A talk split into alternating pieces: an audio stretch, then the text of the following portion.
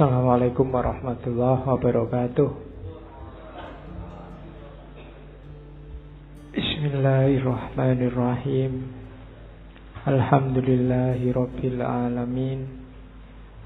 Wabihi nasta'inu ala umurid dunya waddin Allahumma salli wa sallim wa barik ala habibina wa syafi'ina Sayyidina wa maulana Muhammadin wa ala alihi wa ashabihi wa ala manittaba'al huda ila yaumiddin. Amma ba'du. Bismillah mari kita lanjutkan ngaji kita. Malam ini kita masih ada di sesi feminis perempuan yang berbicara tentang perempuan. Malam ini kita ketemu sosiolog penulis dari Maroko, Fatima Mernisi. uh, sebelum masuk ke Mernisi, seperti minggu lalu, biar lengkap pengetahuan kita tentang iblis yang pertama dulu iblis itu sifatnya ana khairun minhu. Minggu lalu sifatnya iblis itu senang kalau ada orang celaka dan susah kalau orang lain yang dia benci senang. Satu lagi sifatnya iblis yang disebut di Al-Quran itu Jadi iblis ini pernah ngancam sama Tuhan karena engkau tetapkan aku sebagai yang sesat maka aku akan menyesatkan manusia dan aku tampakkan yang sesat itu jadi baik di mata manusia. Jadi di antara perilakunya iblis adalah membuat orang celaka dengan cara karena dia sendiri sudah celaka. Dengan cara menunjukkan bahwa yang celaka itu baik. Jadi kalau ada orang dia sendiri sebenarnya sudah celaka, sudah rusak, cuma dia nyari-nyari teman biar sama-sama rusak. Itu iblis. Kan banyak kan orang yang Oh, aku kok celaka ya, aku kok susah ya, aku kok kalah ya. Berarti yang lain juga harus sama kalahnya, sama celakanya, sama rusaknya. Itu iblis. Di mana pun kita ketemu perilaku orang yang dia sendiri sudah celaka dan ingin menyelakakan orang lain, itu berarti iblis. Dia sendiri sesat dan ingin menyesatkan orang lain, itu berarti iblis. Dia sadar kesesatannya dan ingin menyesatkan orang lain dia sadar kalau dia rusak dan ingin orang lain juga sama rusaknya. Hari ini banyak. Misalnya biasanya orang yang kena narkoba itu pingin ngajak-ngajak temennya juga ikut narkoba. Dia tahu narkoba itu rusak. Daripada aku rusak sendirian, mending punya temen. Ajak-ajak ngerayu-ngerayu. Itu contoh-contoh kecil yang jelas salahnya. Dalam kasus yang lain banyak. Maka hati-hati dengan perilaku ini atau jangan-jangan kita sendiri yang begitu. Kamunya males dan kamu nggak kuat lihat temenmu rajin.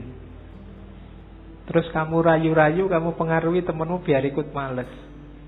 Ngapain sih tak banyak baca? Allah ngapain ngaji segala Allah dia ngerti ngaji itu bagus hanya dia males saja dan dia ingin temennya juga sama malesnya kayak dirinya. Nah itu iblis.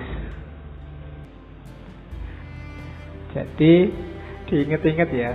Hidup kita itu sebenarnya banyak sekali warna iblisnya cuma kita tidak sadar.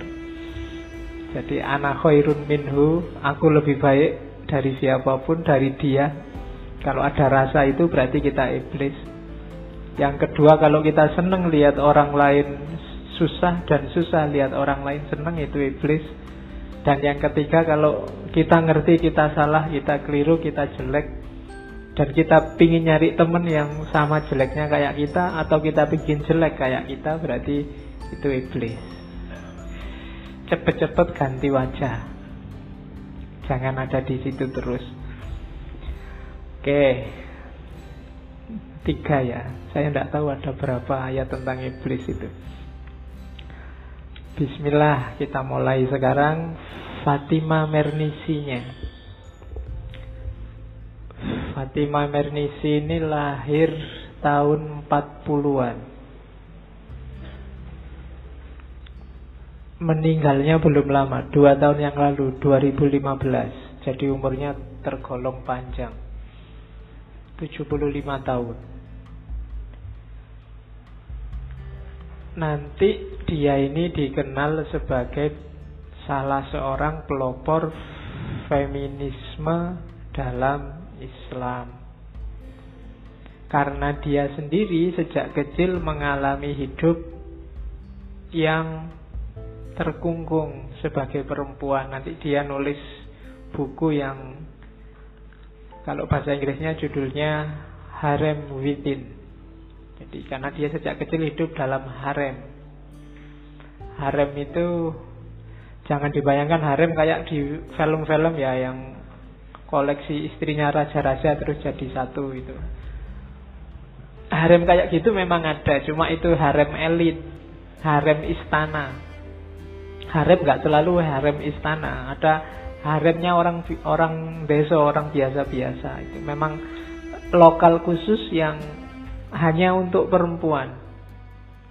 Dijaga jangan sampai perempuan-perempuan ini keluar karena mereka memang tidak boleh tidak boleh sampai keluar. Dilarang agama katanya begitu. Bukan harem yang isinya koleksi istrinya raja-raja. Kalau itu haremnya beda lagi. Kalau itu ya memang ada. Cuma dalam sejarah harem ini harem semacam ini habisnya era-era ketika Turki Utsmani hancur. Terus barat yang modern rasional masuk, harem kayak gini dilarang. Tapi harem versi yang ditempati oleh Fatimah Mernisi itu masih banyak. Jadi orang yang hidup, perempuan-perempuan yang hidup di satu lokal tidak bisa sembarangan berinteraksi dengan laki-laki tanpa seizin suaminya, tanpa dikawal oleh suaminya. Dan itu kehidupan masa kecilnya Fatima Mernisi. Cuma dia lebih beruntung kalau di autobiografinya itu karena dia lahir tahun 40. Era ketika kelompok nasionalis Maroko sudah menang melawan Perancis penjajahan sudah mulai berakhir dan perempuan sudah mulai boleh sekolah. Katanya Fatimah Bernisi, kalau aku lahir dua tahun aja lebih awal, ceritanya beda sudah. Dia tidak akan, tidak akan bisa menikmati pendidikan. Di harem dia, kalau di buku itu diceritakan dia sangat akrab sama neneknya. Namanya Yasmina neneknya ini istri kesembilan dari kakeknya. Ya. Ya udah apa-apa lah. Sembilan kan pas kayak bunyinya ayat itu. Masna wasulasa waruba. Jadi sembilan. Ya. Cuma ayahnya dan ibunya termasuk modern karena tidak poligami. Ya, ayahnya sudah sudah karena mungkin sudah pendidikan. Kalau neneknya masih cuma neneknya ini yang mendidik Fatima Mernisi, yang bikin Fatima Mernisi masih percaya bahwa Islam itu lembut. Islam itu tidak kasar. Itu dari neneknya. Kalau pendidikan ya nanti dia sekolah seperti biasa, termasuk dari ayahnya, dari ibunya. Yang bikin Fatima Mernisi shock adalah dia mengalami banyak sekali hal-hal yang membuat dia bertanya, apa iya sih Islam itu se sadis itu pada perempuan. Apakah itu memang ajaran Nabi, petunjuk Allah, atau hanya konstruksi tafsirnya manusia saja? Itu kegelisahan besarnya Fatima Mernisi. Jadi Fatima Mernisi ini nanti tergolong kritis. Sebenarnya dia tidak kok ujuk-ujuk karena feminis terus semua yang dari barat bagus. Dia juga banyak mengkritik barat khususnya barat yang stereotip melihat Islam pasti jelek tapi khusus untuk fenomena budaya Islam yang agak meminggirkan perempuan dia banyak prihatin. Karena dia tidak yakin Nabi Muhammad yang selembut itu, yang sepenyayang itu pada perempuan bisa dalam tanda petik sesadis itu memperlakukan perempuan. Seperti cerita-cerita dari banyak teks yang dia baca. Di situlah nanti dia mengkhususkan diri kalau dalam kajian Islam dia banyak melakukan kritik hadis. Banyak hadis-hadis yang menurut dia perlu dibongkar lagi maknanya. Oke, ya minggu lalu kita sudah ngomong bagaimana nasibnya perempuan di Betty Friedan dan dunia Islam juga tidak jauh-jauh sebenarnya. Ya kalau hari ini kelihatannya situasinya lebih mending, tapi tahun-tahun di masa kecilnya Fatima Mernisi itu situasinya memang menyedihkan. Di Indonesia pun kadang-kadang kan banyak ya peristiwa-peristiwa yang masuk iyo gitu. Misalnya beberapa waktu yang lalu misalnya ada bupati yang kawinnya cuma sekian jam itu. Habis nikah ternyata ah ternyata istri saya tidak perawan Terus paginya langsung ditalak pakai SMS. Kan ada itu kan? Terus waktu konferensi pers dia bilang, loh salah saya apa? Saya kan kayak orang beli. Wong ya saya sudah ngasih mahar. Begitu dapat barangnya kok tidak cocok, ya tak kembalikan lagi. Ya, jadi memposisikan perempuan kayak dia beli kerupuk apa beli nasi kucing gitu kan tidak enak balikin nih. Dan dia pakai alasan lo kalau dalam Islam kan memang boleh. Jangan kan nunggu sekian jam. Habis jam kobul terus keluar ruangan saat ini juga kamu tak talak kan bisa jatuh. Sahkan semacam itu kalau memang niatnya ingin main-main. Itu kan ada contoh begitu. Atau dulu ada ada kasus menteri sama artis yang sampai punya anak nikah siri. Kan ada itu kan? Dan kan itu nanti ada tabrakan keputusan antara mahkamah konstitusi sama pengadilan agama. Katanya mahkamah MA mahkamah agung sah anak ini anaknya si menteri wong sudah ada hasil tes DNA Katanya pengadilan agama, tes DNA tidak ada dalilnya. Karena memang tidak ada. Yang ada dalilnya adalah kalau ada pernikahan semacam itu, anaknya harus dinisbatkan pada ibunya, tidak bisa dinisbatkan pada anaknya. Yo, sebenarnya yo bisa dimaklumi ya zaman Nabi nggak ada tes DNA, bapaknya siapa membuktikannya susah. Kalau dinisbatin ke ibunya kan jelas ibunya yang mengandung. Kalau bapaknya bisa siapa saja, makanya nisbatnya ya ke ibunya, tidak bisa ke bapaknya. Cuma hari ini ada tes DNA, bisa jelas. Nah itu susahnya perempuan. Oke, dan nanti ya banyak sekali sih kalau diceritain satu-satu, kita sering secara nggak sadar memposisikan perempuan di pinggir. Bahkan sejak sejak awal penciptaan banyak tafsir-tafsir yang Rasanya perempuan itu diciptakan hanya untuk melengkapi Adam. Ya memang Hawa diciptakan setelah Adam, tapi kalimat melengkapi itu tidak ada dalam Al-Quran. Ya kan? Wa khalaqa zaujaha itu yang yang bisa diartikan bahwa Hawa hanya sekedar melengkapi Adam itu tidak ada. Bahwa Hawa merayu Adam, menggoda Adam sampai Adam terbujuk makan buah huldi itu kalimat itu juga silakan dicari di Al-Qur'an. Atau seandainya ada kita atau tafsir yang memahami itu, itu sebenarnya yang membacanya juga bisa macam-macam.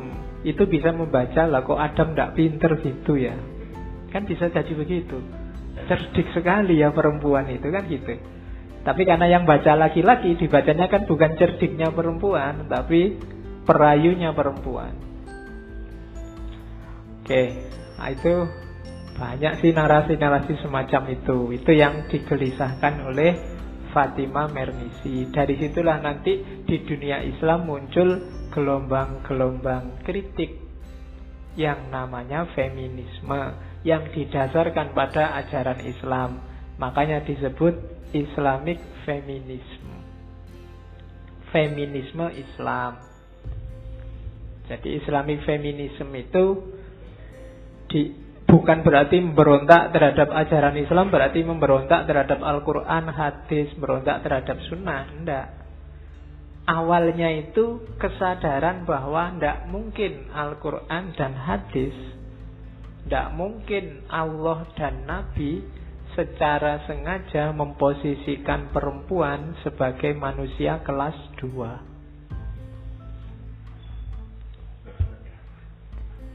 Padahal dalam kenyataannya banyak yang menafsirkan begitu.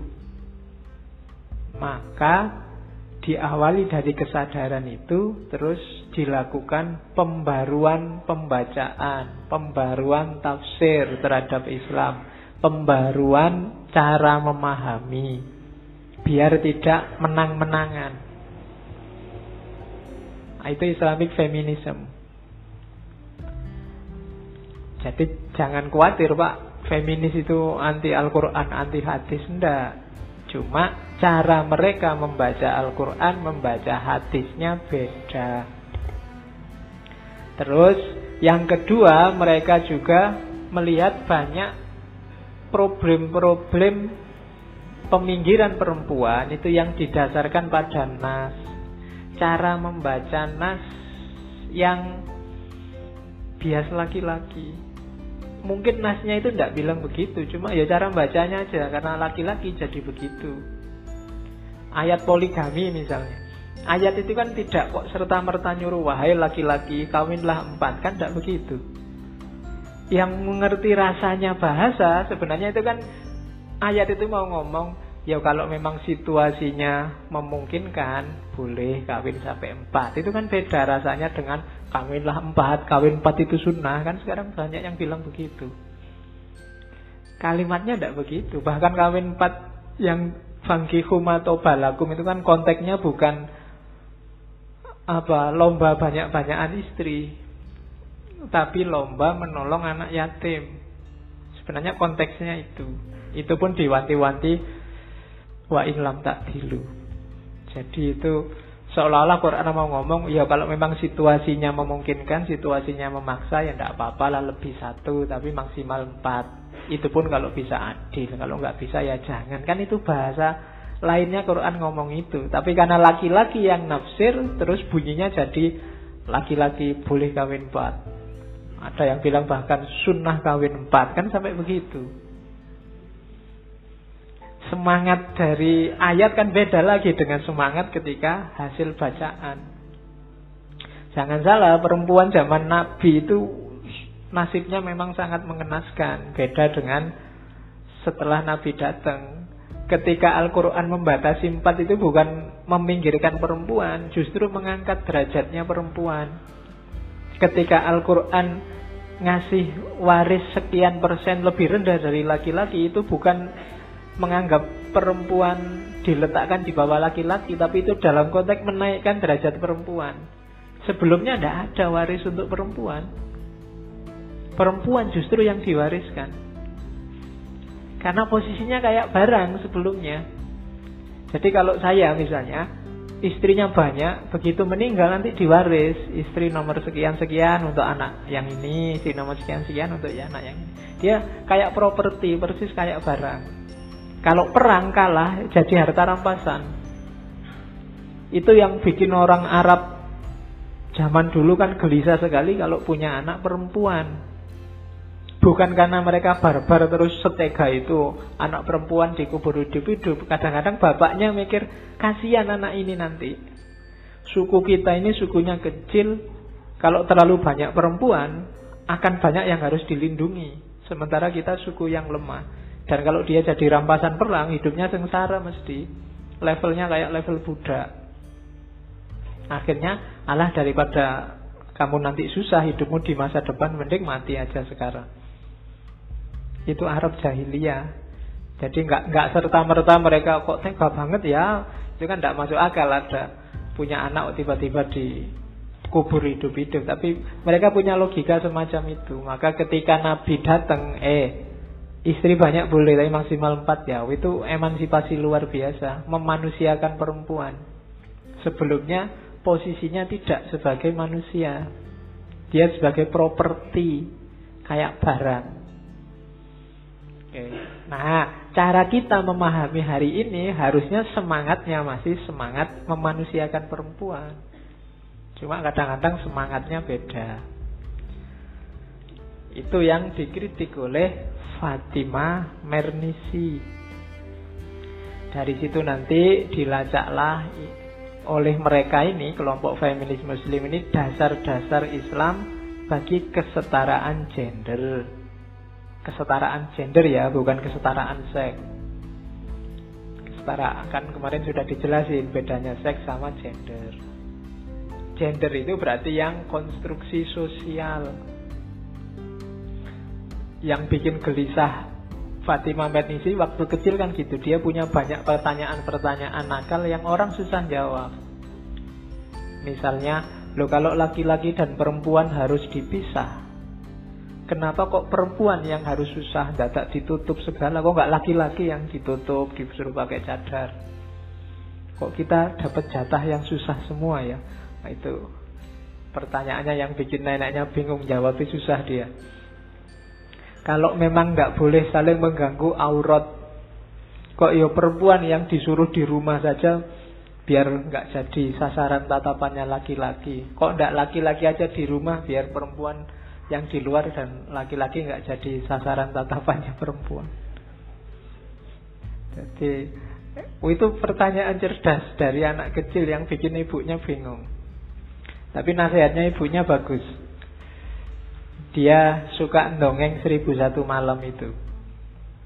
Yang Syahrazad itu kan kalau kamu ingin berontak terhadap itu jadilah kayak Syahrazad. Syahrazad itu kan jadi ada raja namanya Nebukadnezar yang ini trauma sama istrinya, istrinya selingkuh sama pengawalnya, terus dibunuh. Sejak saat itu dia punya kebiasaan setiap malam bawa perempuan dinikahi semalam paginya dibunuh. Sampai ketemu Saharazat ini kan, terus Saharazat ini perempuan biasa tapi dia cerdik. Jadi malam hari setiap ketemu raja dia dongeng. Dongengnya menarik sampai rajanya tertarik.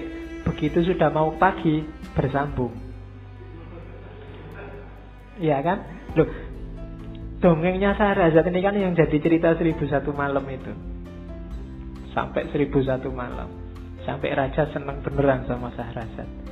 Jadi nasihatnya ibunya, kalau kamu ingin memberontak terhadap yang kamu anggap tidak adil itu jadilah secerdik Sahrazad pinterlah dongeng pinterlah ya berarti harus dalam ilmunya dari situ semangatnya Fatimah Menisi meluap-luap dan nanti dia termasuk jadi tokoh feminis jadi meskipun sudah di ujung senjatanya laki-laki yang tinggal bunuh saja tapi dia bisa ceritanya menarik sampai bersambung. Wah, rajanya penasaran kan ini akhirnya gimana ceritanya? Ya besok lagi lah ditunggu.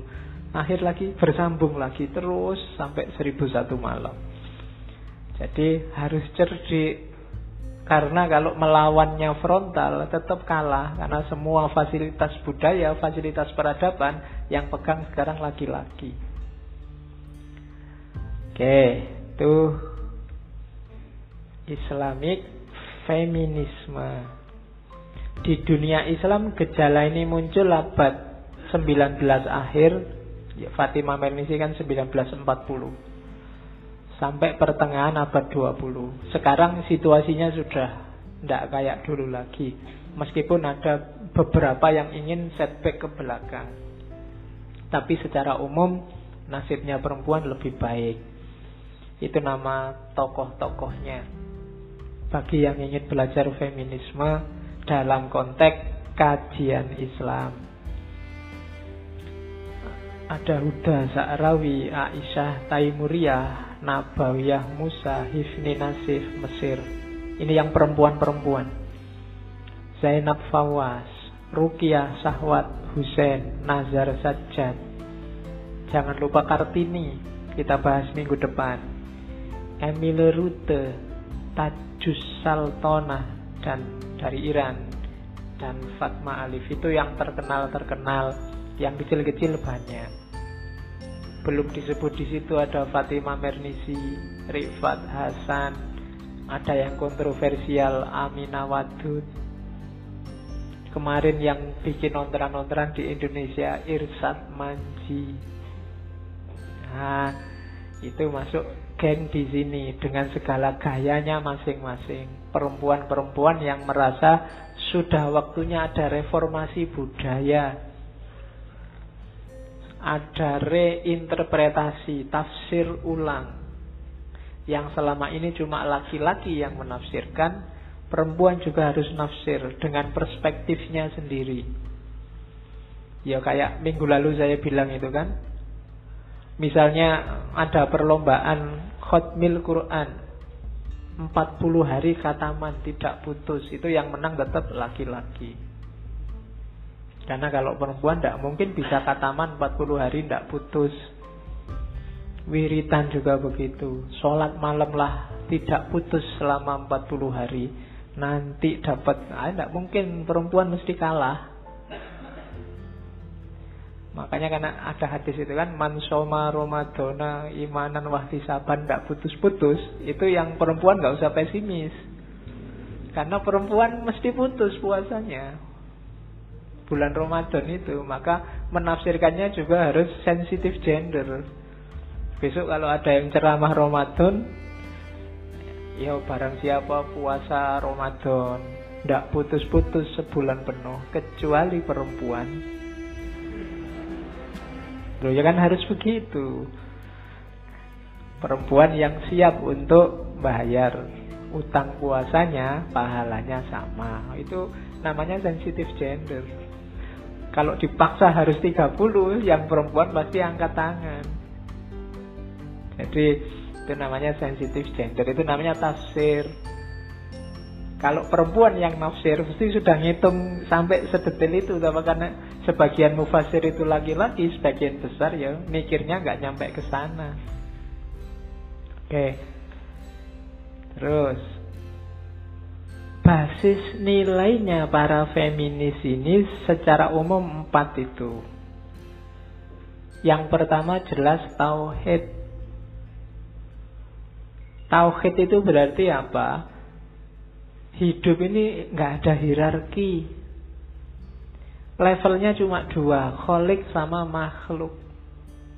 Jadi laki-laki dan perempuan itu pasti setara. Tidak mungkin laki-laki di atas, perempuan di bawah.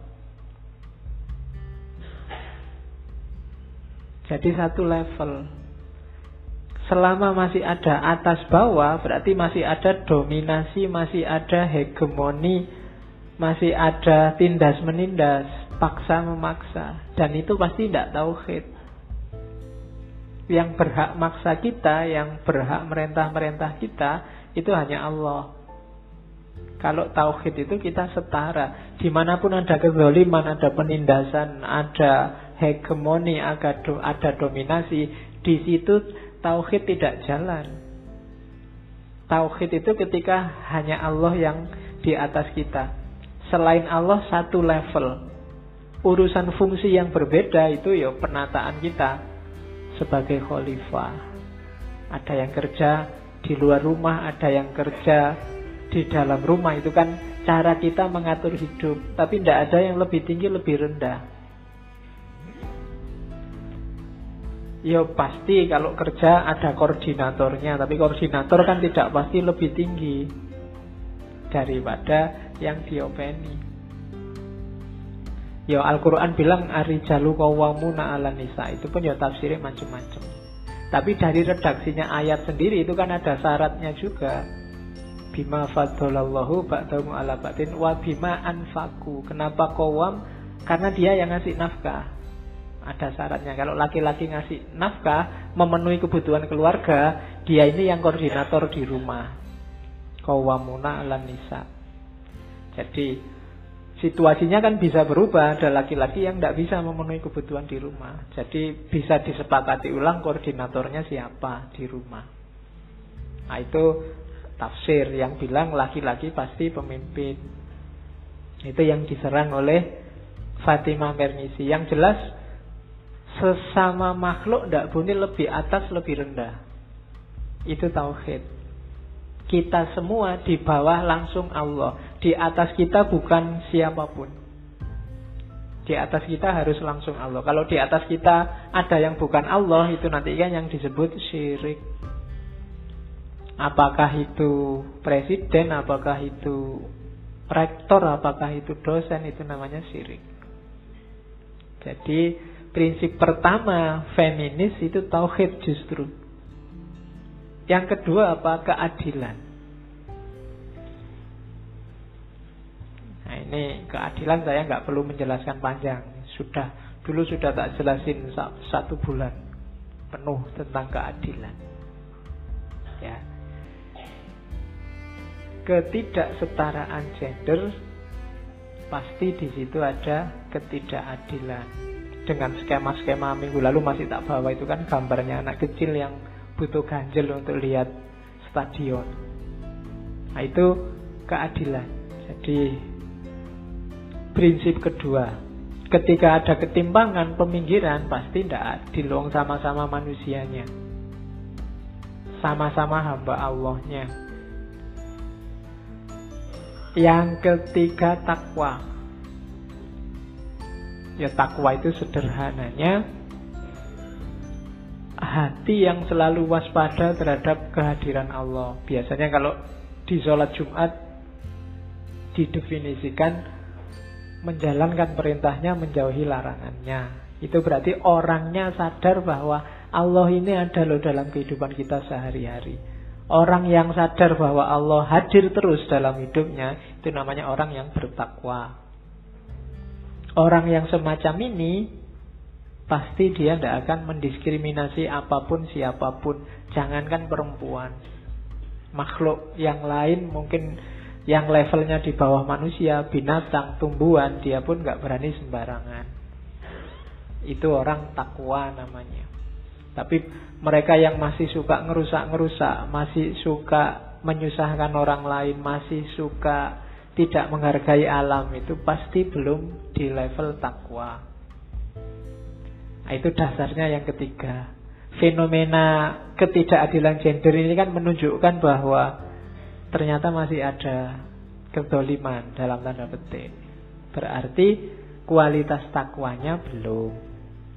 Terus yang keempat kebaikan. Tiga-tiganya baik itu kan kalau di Quran ada istilah albir, khair dan ma'ruf. Itu makainya beda-beda.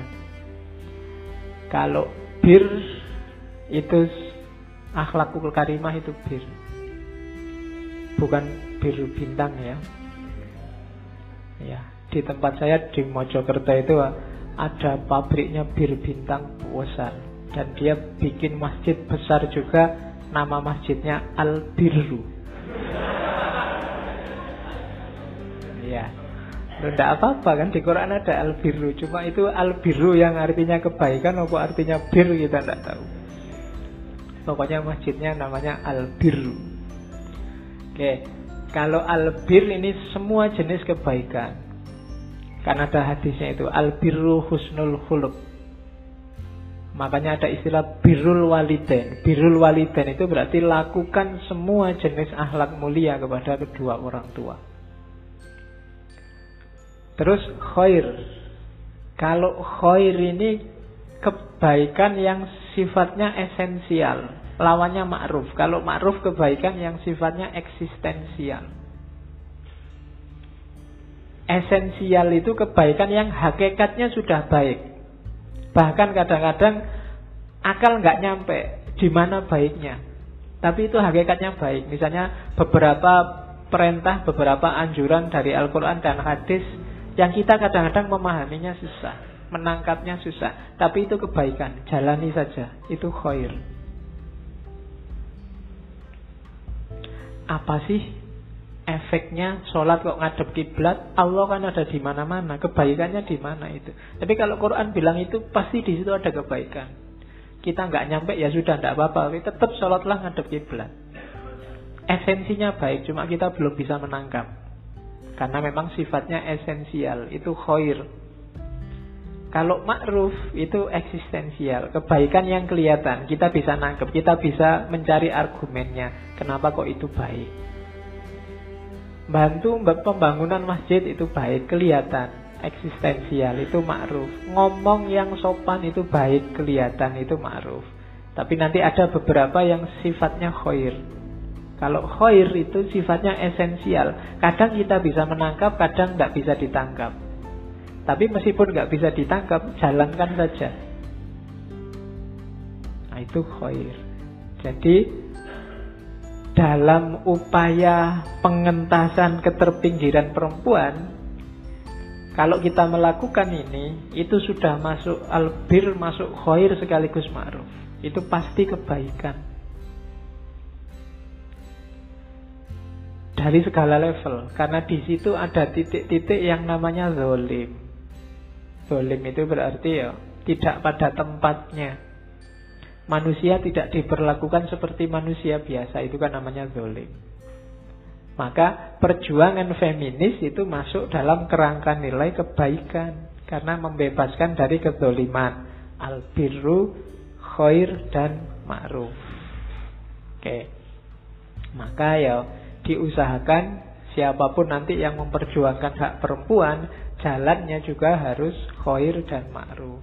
Jangan sampai tujuannya baik, jalannya jelek.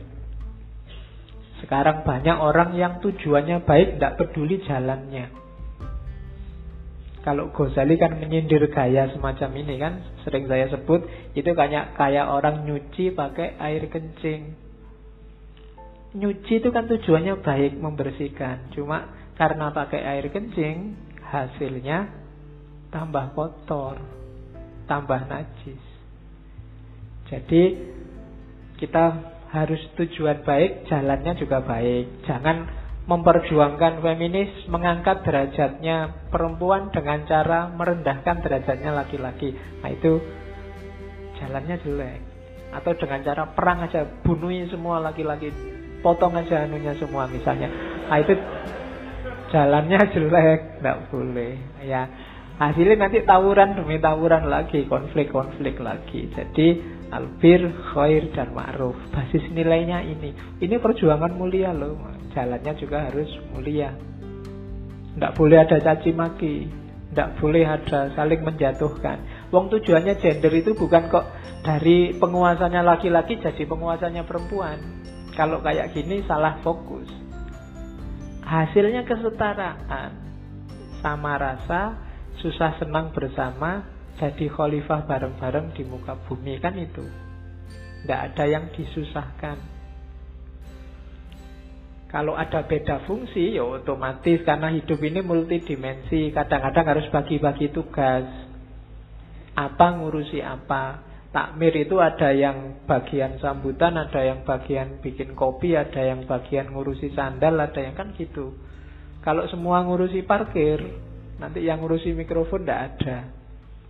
Kalau semua khotib yang jadi jamaah siapa?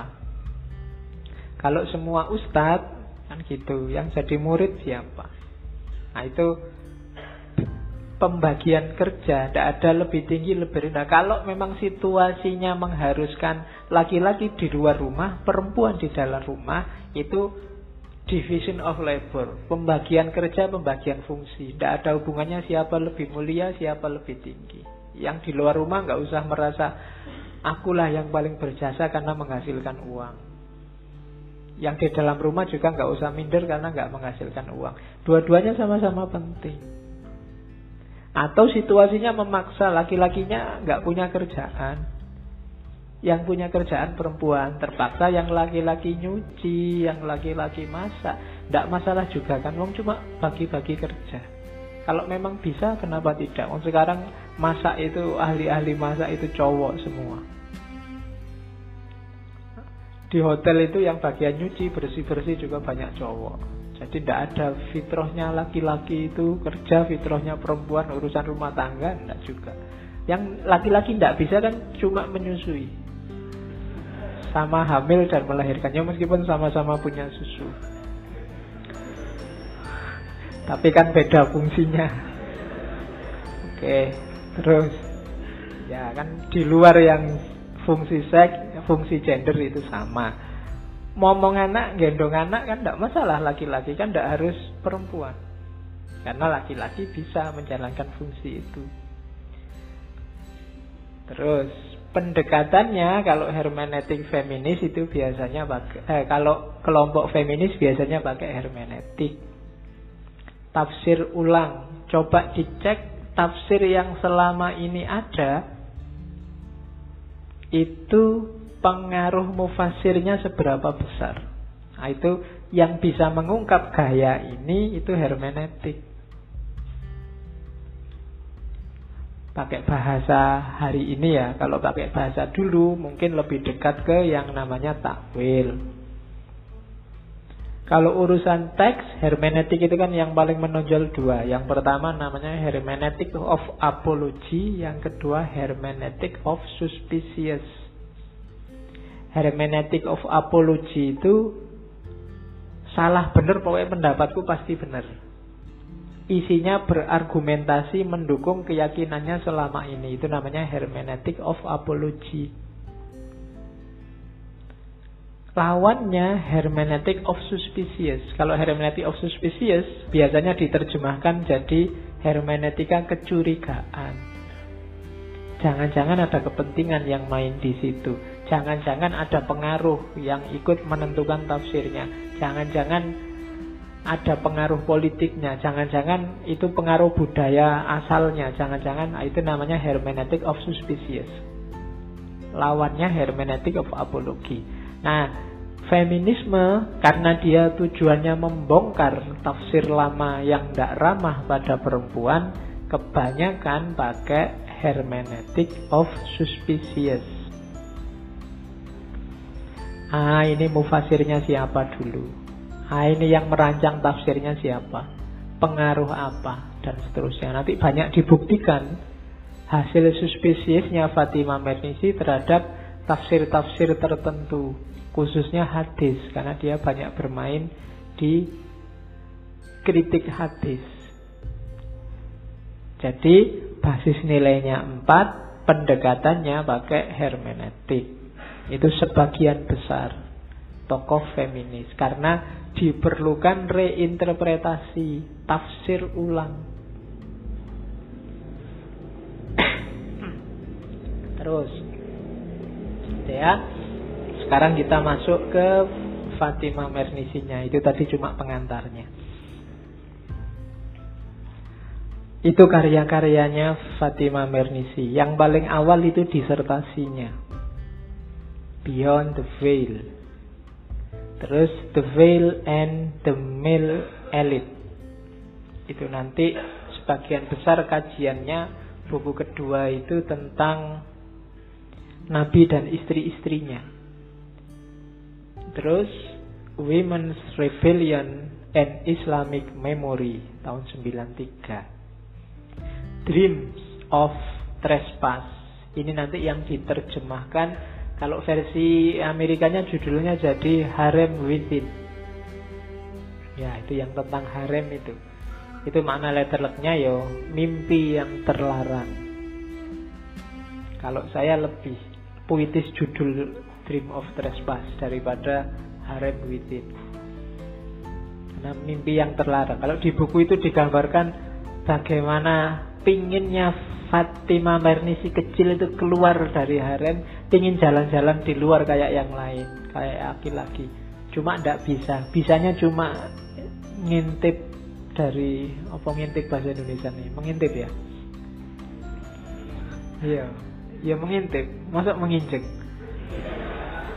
Nggak bisa ya mengintip dari lubang kuncinya harem itu lihat keluar lihat orang jalan-jalan dia seneng dia sendiri nggak bisa keluar dreams of trespass. Terus Sehrazad goes west. Itu yang tak ceritakan tadi. Sahrazad pergi ke barat. Saya tidak tahu ini jangan-jangan terinspirasi oleh ceritanya Sun Gokong itu. Mencari kitab ke barat. Ya. Jadi nyari inspirasi ke barat. Sehrazad west dan Belakangan dia nulis Islam and Demokrasi. Di The Veil and the Mel itu ada kalimat yang menunjukkan betapa seriusnya dia ingin merombak pemahaman umat Islam tentang perempuan. Dia bilang, inspired by a fierce desire for knowledge, karena terdorong, terinspirasi oleh keinginan yang sangat kuat untuk tahu, karena dia ini sering ketemu hadis, sering ketemu apa sunnah yang menurut dia nggak masuk akal. Antara lain dia pernah ke pasar, terus ngobrol entah tentang apa, tiba-tiba pedagang pasarnya bilang nyitir hadis itu, la yufliha kaumun wala amrohun imro'atan. Ndak akan bahagia, ndak akan jaya satu kaum kalau pemimpinnya perempuan dan ditegaskan itu hadis. Itu berhari-hari tidak bisa tidur Fatimah Mernisi. Apa iya ya Nabi Muhammad itu kayak gitu orangnya? Padahal dibandingkan dengan narasi siroh yang lain tidak segitunya. Salahnya di mana? Makanya terus ya, I read At-Tabari and the other writer, especially Ibnu Hisam, author of Sirah. Dia baca Tobari, baca sirohnya Ibnu Hisam. Ibnu Sa'ad, pengarang Tobakot Kubro, Al-Askolani yang nulis Al-Isobah Fitam Yizis Sohabah, kemudian menggali Bukhari, Nasai, dan semua kitab-kitab hadis. All of this in order to understand and clarify the mystery of the misogyny that Muslim women have to confront even in the 90s. Semua ini karena aku ingin paham dan memperjelas misteri misogini. Misogini itu kebencian pada perempuan. Yang harus dihadapi wanita muslim, perempuan muslim, bahkan hingga tahun 90-an ini. Kan banyak orang berdasarkan dalilnya pakai Al-Quran. Karena sering kali hanya diambil redaksi ayatnya. Misalnya ada ayat yang di surat An-Nisa itu yang kalau wanita itu nusus ada faiduhuna wahjuruhuna fil madoji wadribuhuna. Jadi kalau laki-laki ingin mukuli perempuan, dalilnya ada di surat An-Nisa itu. Sebaliknya tidak ada. Kalau perempuan ingin mukuli laki-laki, nggak ada dalilnya. Jadi kalau laki-laki habis mukuli perempuan, perempuannya ingin balas, laki-lakinya bilang stop. Dalilnya tidak ada. Itu kan kalau dibaca agak kasar kan berarti laki-laki mukuli perempuan itu syar'i. Jadi kalau ada yang ingin mukul dan syar'i itu laki-laki yang mukul perempuan. Sebaliknya tidak ada. Nah itu yang bikin Fatima Mernisi gelisah apa iya sih ya masa Islam itu sampai segitunya karena itu ini pertanyaan-pertanyaan besarnya Fatima Mernisi Yang pertama apa? Apa mungkin Islam itu secara sengaja memang ingin tidak adil pada perempuan? Katanya rahmatan lil alamin. Atau redaksi-redaksi yang kelihatan memojokkan perempuan itu ya memang zamannya begitu. Dan cara memahaminya juga tidak bisa letterlet. Zaman itu memang logikanya begitu. Zaman sekarang realitasnya berubah. Zaman itu perempuan dibatasi nikah empat itu perayaan luar biasa bagi perempuan. Pemanusiaan yang luar biasa. Tapi kira-kira hal yang sama terjadi nggak dengan hari ini? Jadi yang dipertanyakan oleh Fatimah Mernisi, apa iya sih Islam itu memang meletakkan perempuan jadi makhluk, jadi manusia kelas dua secara sengaja? Yang kedua, apa mungkin Nabi Muhammad itu yang diketahui sangat lembut, sangat penyayang, sampai hati bersabda merendahkan perempuan. Bahkan Nabi kan ada cerita Nabi itu terhadap bayi perempuan aja. Nabi bahkan tidak mau melukai hatinya. Kan suatu ketika ada sahabat bawa anak perempuan masih kecil, Nabi ingin gendong. Begitu digendong, ngompol. Ini orang tuanya kan marah-marah sama anaknya. Anak dipukuli, uang nabi kok diompoli kamu itu. Nabi kan gitu. Terus dipukuli, dijewer sampai nangis. Terus Nabi bilang, eh jangan begitu. Luka tubuhnya mungkin dirasakan sebentar. Tapi luka batinnya dia bisa membekas sampai besar. Jadi cara didik anak ya jangan sambil dipukuli gitu. Oh itu Nabi yang selembut ini apa iya setega itu sama perempuan? Itu pertanyaannya Fatimah Mernisi. Atau jangan-jangan kita aja yang salah tafsir, salah paham. Atau kita aja yang out of date. Itu logika abad ke-6 di zaman itu iya, tapi zaman sekarang harus ada adaptasi-adaptasi, penyesuaian-penyesuaian. Ya di Arab abad ke-6 perempuan keluar rumah harus sama muhrimnya. Tapi kalau hari ini diberlakukan letter luck persis sama, ngaji ini semakin rame. Karena Iya kan? Yang perempuan-perempuan harus ngajak Pak D-nya, bapaknya. Ikut ke sini, kalau nggak ada nggak boleh keluar. Lo kan? Kalau memang letter luck kan harusnya begitu, tapi kan situasinya sudah berubah. Ya karena Arab zaman itu ya situasinya perang, apalagi Arab. Arab itu kan terkenal susah interaksi laki-laki sama perempuannya sehingga ya cenderungnya agak ganas-ganas kalau sama perempuan. Saya diceritain orang haji-haji kan mesti begitu. Hati-hati loh sama orang Arab kan mesti begitu. Itu zaman sekarang apalagi zaman dulu. Oke, jadi kegelisahannya Fatimah Mernisi itu. Terus yang ketiga adat yang meminggirkan perempuan, menyusahkan perempuan itu sebenarnya sumbernya memang ajaran Islam atau budaya yang sudah ada sebelumnya ataukah memang tafsirnya orang tertentu untuk kepentingan tertentu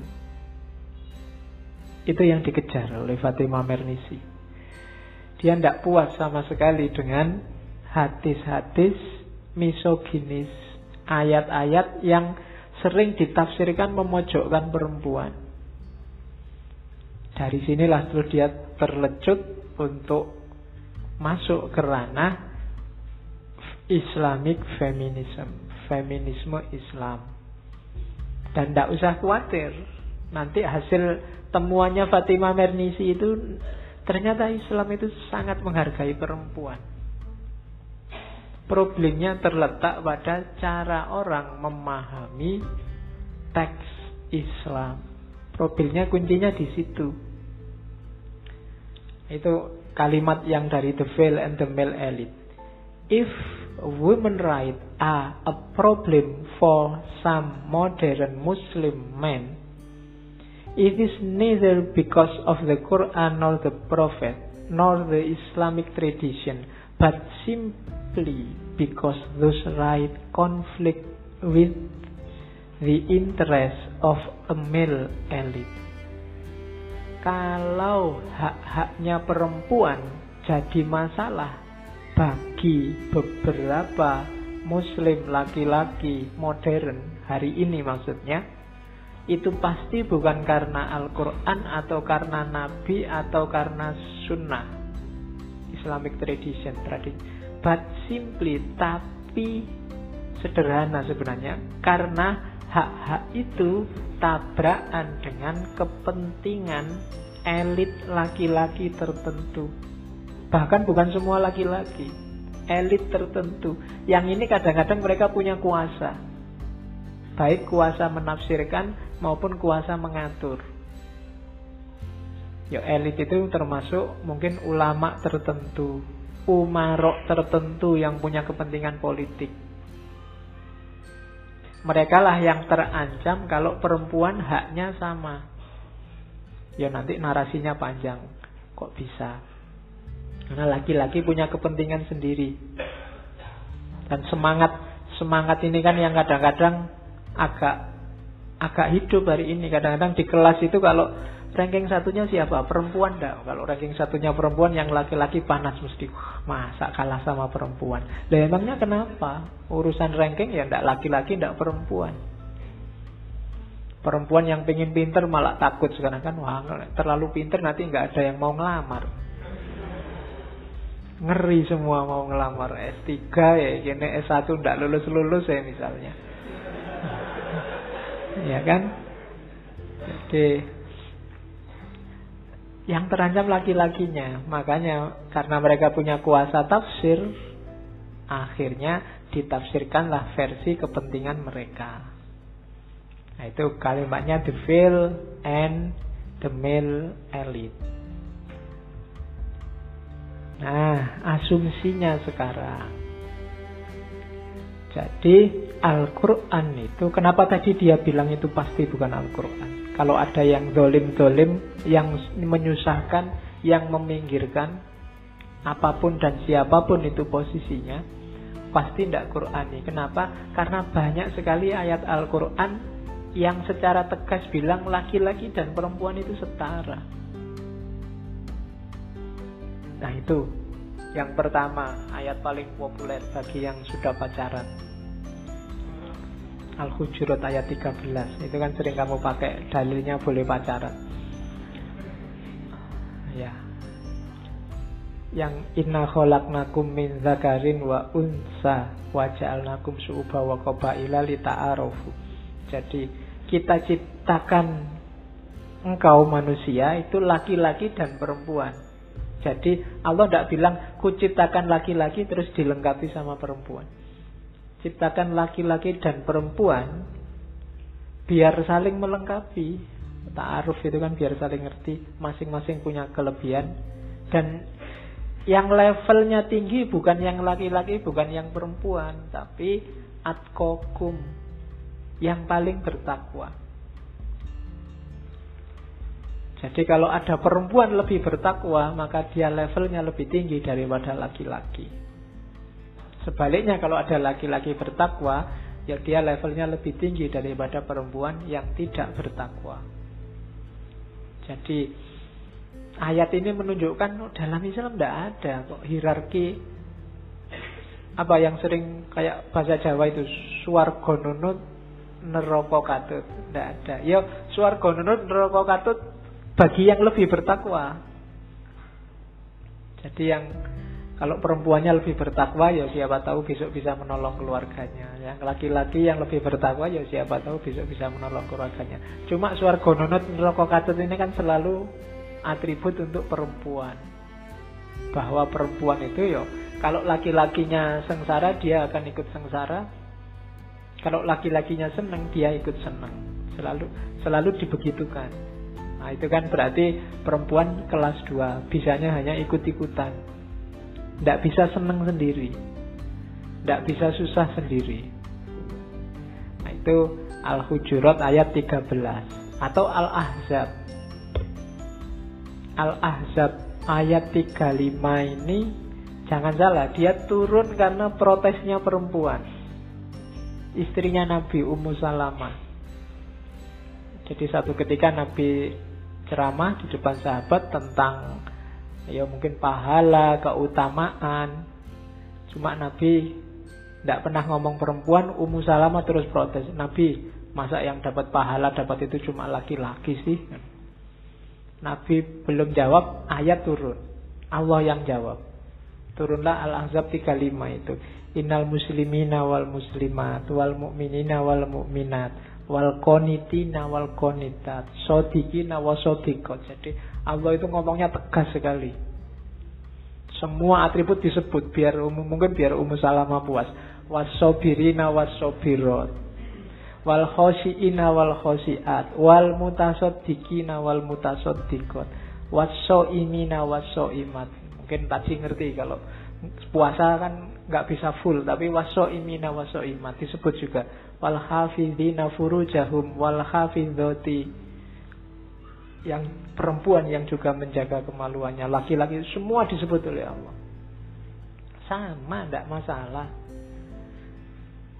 jadi wadzakirina Allah katsira wadzakirat a'addallahu lahum maghfiratan wa ajrun azima semuanya levelnya sama akan dapat maghfirah, dapat pahala.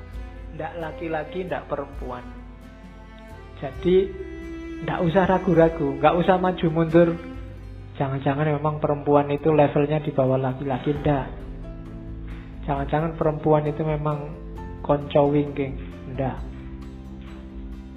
Tapi Quran menegaskan sepanjang itu atributnya muslimin, muslimat, mukminin, mukminat dan seterusnya. Jadi levelnya setara pasti. Kalau ada yang menafsirkan ayat yang lain kok levelnya menjatuhkan perempuan, itu perlu di recheck lagi tafsirnya karena nggak mungkin Allah nggak konsisten. Karena nggak mungkin ayat itu tabrakan. Kalau tafsir kita pas, membacanya harus utuh, nggak bisa dipotong-potong.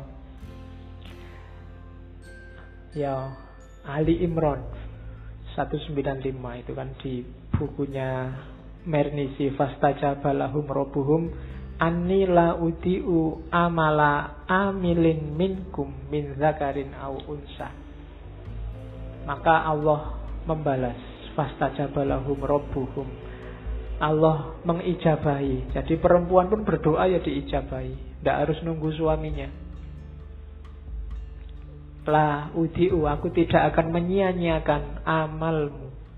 Sekecil apa pun amala amilin minku min zakarin unsa. Laki-laki ataupun perempuan. Jadi perempuan tidak usah minder, laki-laki juga tidak usah GR. Levelnya sama. Yang membedakan takwanya. Beramal apa pun besarnya pahala juga sama. Tidak kok kalau laki-laki dapat jamaah dapat 27 kalau perempuan separuhnya 13 setengah Nah, kan sama, sama-sama 27 Oke. Terus jadi ini asumsi kesetaraannya. Kalau Allah aja secara tegas bilang begitu Ya pastinya tidak mungkin lah. Derivasi dari itu, terjemahan dari itu Sifatnya meminggirkan perempuan Kenapa sih kok kemudian muncul banyak sekali Quran jelas bilang begitu. Nabi juga perilakunya contohnya juga sangat menghargai perempuan. Kok muncul peminggiran-peminggiran? Katanya Bernisi sebagian besar muncul karena politik.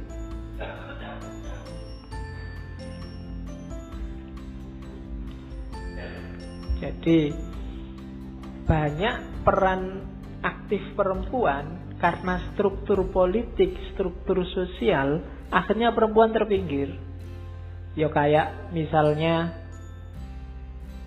skema perang itu kan perempuan terpinggir. Atau pembagian kerja di luar rumah dan di dalam rumah perempuan juga terpinggirkan. Akhirnya muncul konotasi, konotasi ya bahwa perempuan itu ya memang tugasnya cuma mendukung dan membantu laki-laki. Aktor utamanya laki-laki.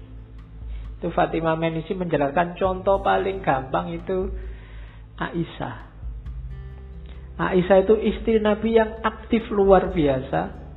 Cuma karena sudah ada mindset laki-laki itu penting. Bahkan aktifnya Aisyah itu kan banyak yang mandang negatif.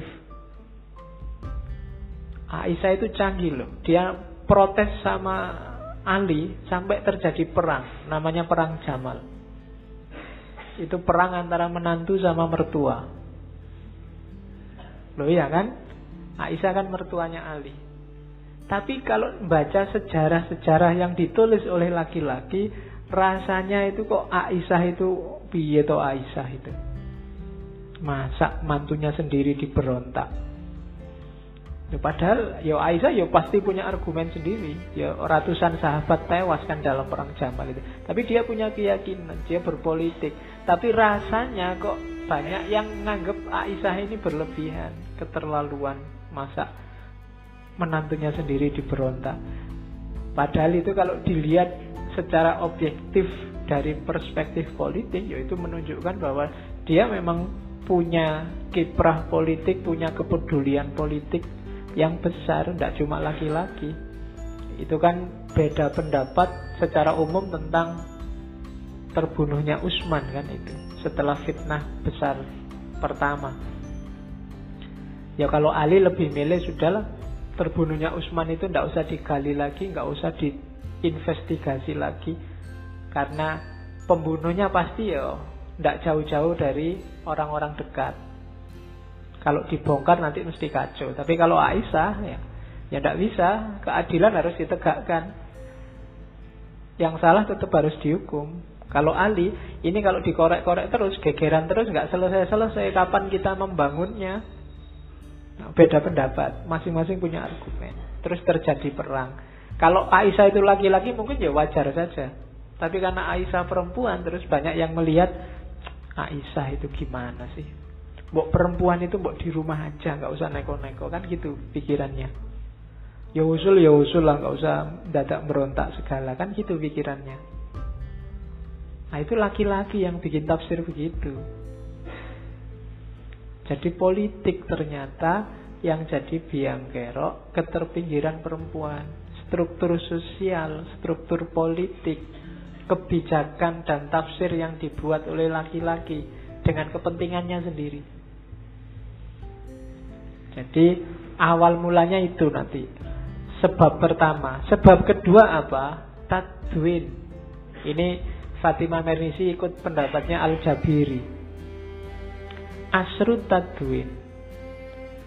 Jadi ketika masa tadwin itu mengumpulkan naskah hadis-hadis kan dikumpulkan terus dikompilasi di kitab-kitab hadis. Ini jaraknya jauh sekali sama Nabi. Sekian abad setelah Nabi meninggal, baru hadis-hadis itu dikumpulkan. Yang mengumpulkan dinasti dengan membentuk tim yang isinya laki-laki. Dan kepentingan politik banyak main di era Tadwin itu. Makanya dari mungkin sekian ratus ribu hadis setelah diseleksi 70% itu kebanyakan awalnya waktu Tadwin itu dianggap hadis palsu. Itu menunjukkan bahwa betapa banyaknya orang yang bikin-bikin hadis palsu zaman itu. Karena memang awalnya nggak pernah dibukukan secara sengaja. Dan karena laki-laki semua, maka ingatannya juga versi laki-laki. Ketika dikompilasi jadi kitab juga hadis-hadis yang cenderung menguntungkan laki-laki atau dipahami versi laki-laki. Jadi yang pertama konstruk sosial politik, yang kedua era tadwin. Karena begitu dikodifikasi jadi kitab, itu kan orang tidak boleh keluar sudah. Ya ini sunahnya Nabi, ya ini hadisnya Nabi. Yang nyalai ini berarti menentang Nabi. Konsekuensinya kan itu. Setelah, kayak Al-Quran itu loh. Sebelum dinas Mushaf Usman resmi, ada macam-macam riwayat, ada macam-macam hafalan. Tapi setelah dinas di mushaf itu, ya wis ini yang resmi. Yang lain dianggap tidak resmi. Hadis juga begitu. Nah, dari situlah mulai perempuan secara tidak sadar terpinggir. Sedikit-sedikit dia keluar dari gelanggang besar. Dia cuma jadi penonton, laki-laki yang main. Karena tokoh-tokoh tadwidnya juga sebagian besar laki-laki. Yang debat juga laki-laki. Jadi itu sebab kedua. Setelah politik, ternyata laki-laki main. Terus Fatima Mernisi tidak terima. Coba dilihat ya. Dalam sejarah. Harusnya perempuan tidak dipandang rendah, tidak dipandang negatif. Katanya Fatima Mernisi, coba dilihat. Ketika Rasul masih hidup, dalam catatannya Ibnu Hajar Askolani tadi kitab Al Isobah itu sahabat perempuan itu tidak sedikit loh jumlahnya yang tercatat saja 1500 jumlahnya. Ya tetap banyak laki-laki tapi kan bukan berarti dia tidak main. Perannya juga banyak perannya juga besar. Banyak sahabat-sahabat perempuan. Ada perempuan yang ikut sumpah itu di alasan kedua. Ikut bayat akobah. Bayat akobah kedua kelihatannya. Kalau yang bayat akobah pertama itu kan 12 orang dari Yasrib yang kedua 75 orang bayat akobah kedua itu 75 73 laki-laki yang dua perempuan yang perempuan aja ada yang ikut sudah terlibat loh dalam kegiatan politik zaman Nabi yang saya ingat akobah kedua itu yang perempuan namanya Nusaibah bin Kaab sama Asma yang kedua. Asma bin Adi kalau tidak salah.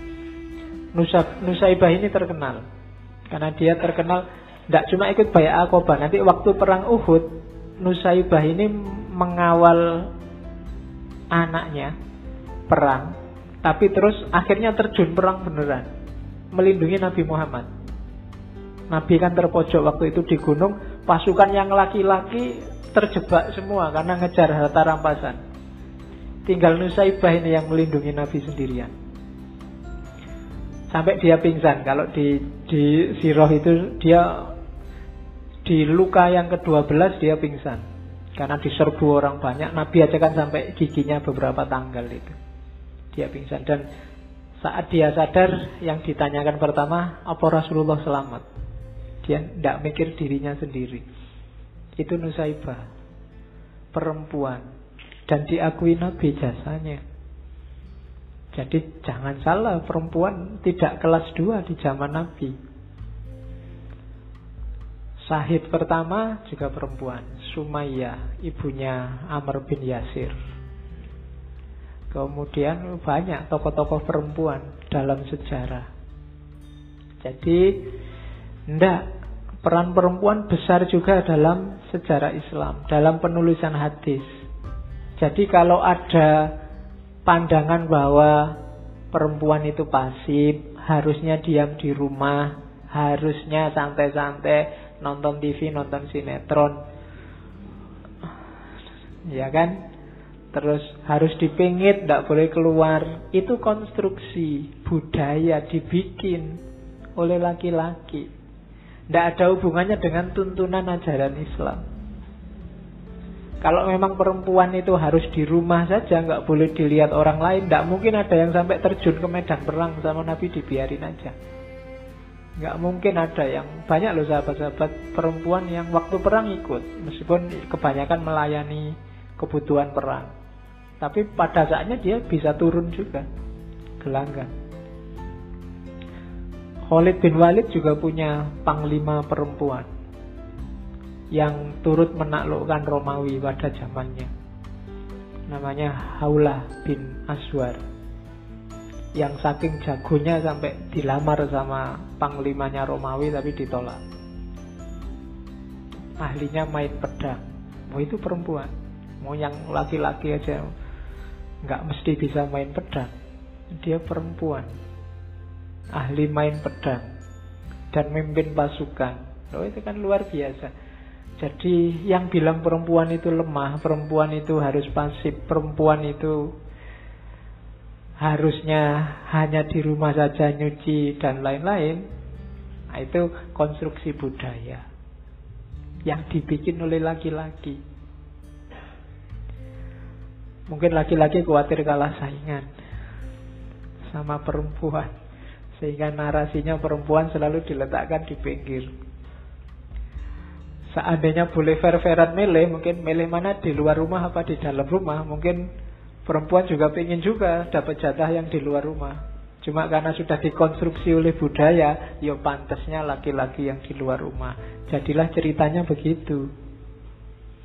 Jadi bukti sejarahnya ternyata juga luar biasa. Coba dilihat istri-istri Nabi. Itu nanti di fail di bukunya Mernisi yang elit itu the feel and elite man. Khadijah, Khadijah bisnismen jangan salah. Dia yang modali Nabi bisnis. Konsultan kenabian yang pertama.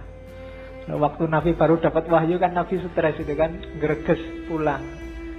Konsultannya ya Khadijah. Jangan salah.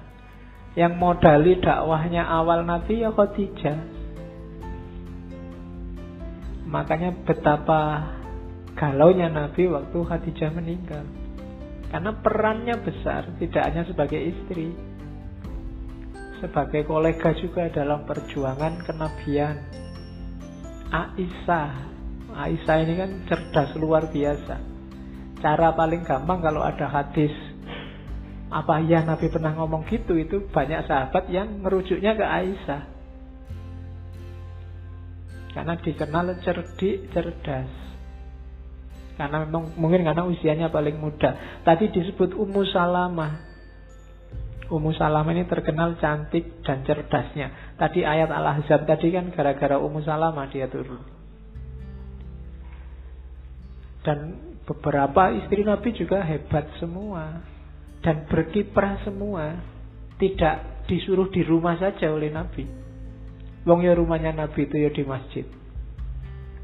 Mereka juga bisa berinteraksi dengan siapa pun. Jadi, ndak, Nabi tidak pernah memingit perempuan. Tidak pernah memposisikan perempuan harus di rumah saja.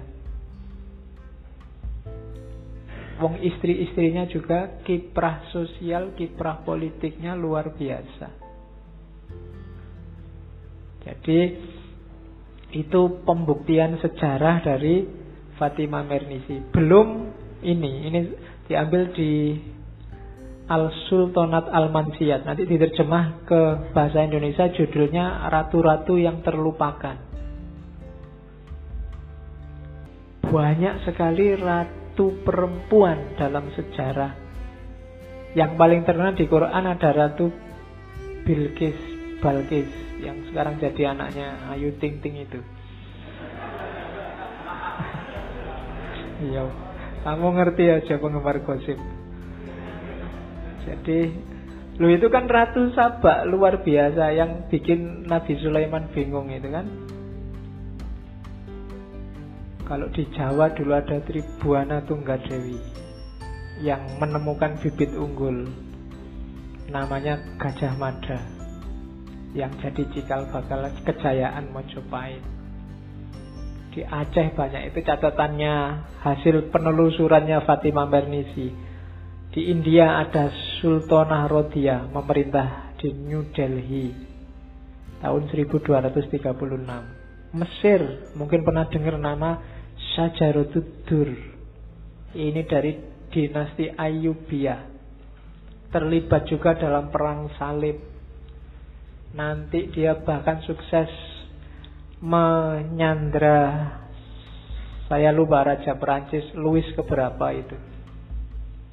Meskipun nanti dia awalnya istri, awalnya budak, terus dijadikan istri oleh salah seorang raja dinasti Ayubiyah. Rajanya meninggal, terus dia yang naik jadi ratu. Tapi karena banyak kelesak-kelesi, banyak gosip yang bilang Ya, kalau dalam Islam itu tidak boleh perempuan jadi ratu banyak gitu terus dia risih ya sudahlah dia nikah dengan seorang panglimanya. Panglimanya ini yang disuruh jadi raja cuma raja yang dia yang ngatur. Ya Leo kan mantan anak buahnya ya disuruh eh formalitasnya kamu yang laki-laki nanti saya ngatur aku. Tapi terus nanti nasibnya jelek karena laki-laki yang diangkat jadi raja ini terus selingkuh sama pengawal-pengawalnya, dia tidak terima terus dibunuh. Ah, gara-gara dia bunuh suaminya ini terus muncul rumor macam-macam yang tidak jelas dan akhirnya Sajaratudur tewas. Nah, itu ratu perempuan. Ada di Persia ada Turhan Khatun dan putrinya Abisha Khatun. Ada Daulat Hatun binti Yakub terkenal dengan julukan Syah Jirmian. Ini masih keturunannya Jalaluddin Rumi. Istri dari Bayazid II. Nanti Bayazidnya meninggal dia jadi raja. Penguasa Baghdad setelah ditaklukkan Mongol, Mongol Islam. Tindu, Fatimah Begum, ini memerintah di Asia Tengah. Maladewa dikenal Khadijah binti Sultan Solahuddin Soleh Nagli dan adiknya Maryam binti Sultan Salahuddin yang mau baca cerita sultan-sultan perempuan cari buku ini. Di Indonesia di Aceh, Pasai ada empat yang terkenal. Sofiatuddin Sah, Nurul Alam Nakiyatuddin Sah, Inayah Sah, Zakiyuddin Sah, dan Kamalat Sah. Di Arab ada penguasa di Yaman, cuma dari kalangan Syiah, Asma binti Syihab, Sulaihiyah, dan Arwa binti Ahmad Sulaihiyah.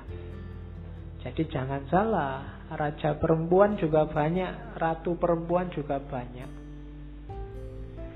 Tidak hanya laki-laki. Makanya Bukunya judulnya As-Sultanat Al-Mansiyah Ratu-ratu perempuan yang terlupakan. Jadi dianggapnya kalau perempuan itu bisanya hanya jadi permaisuri.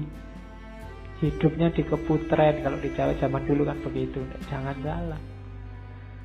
Yang jadi raja juga banyak Eh jadi ratu juga banyak Jadi ulama juga banyak jadi intelektual juga banyak. Cuma cerita-cerita yang nyampe ke kita hanya tentang yang laki-laki.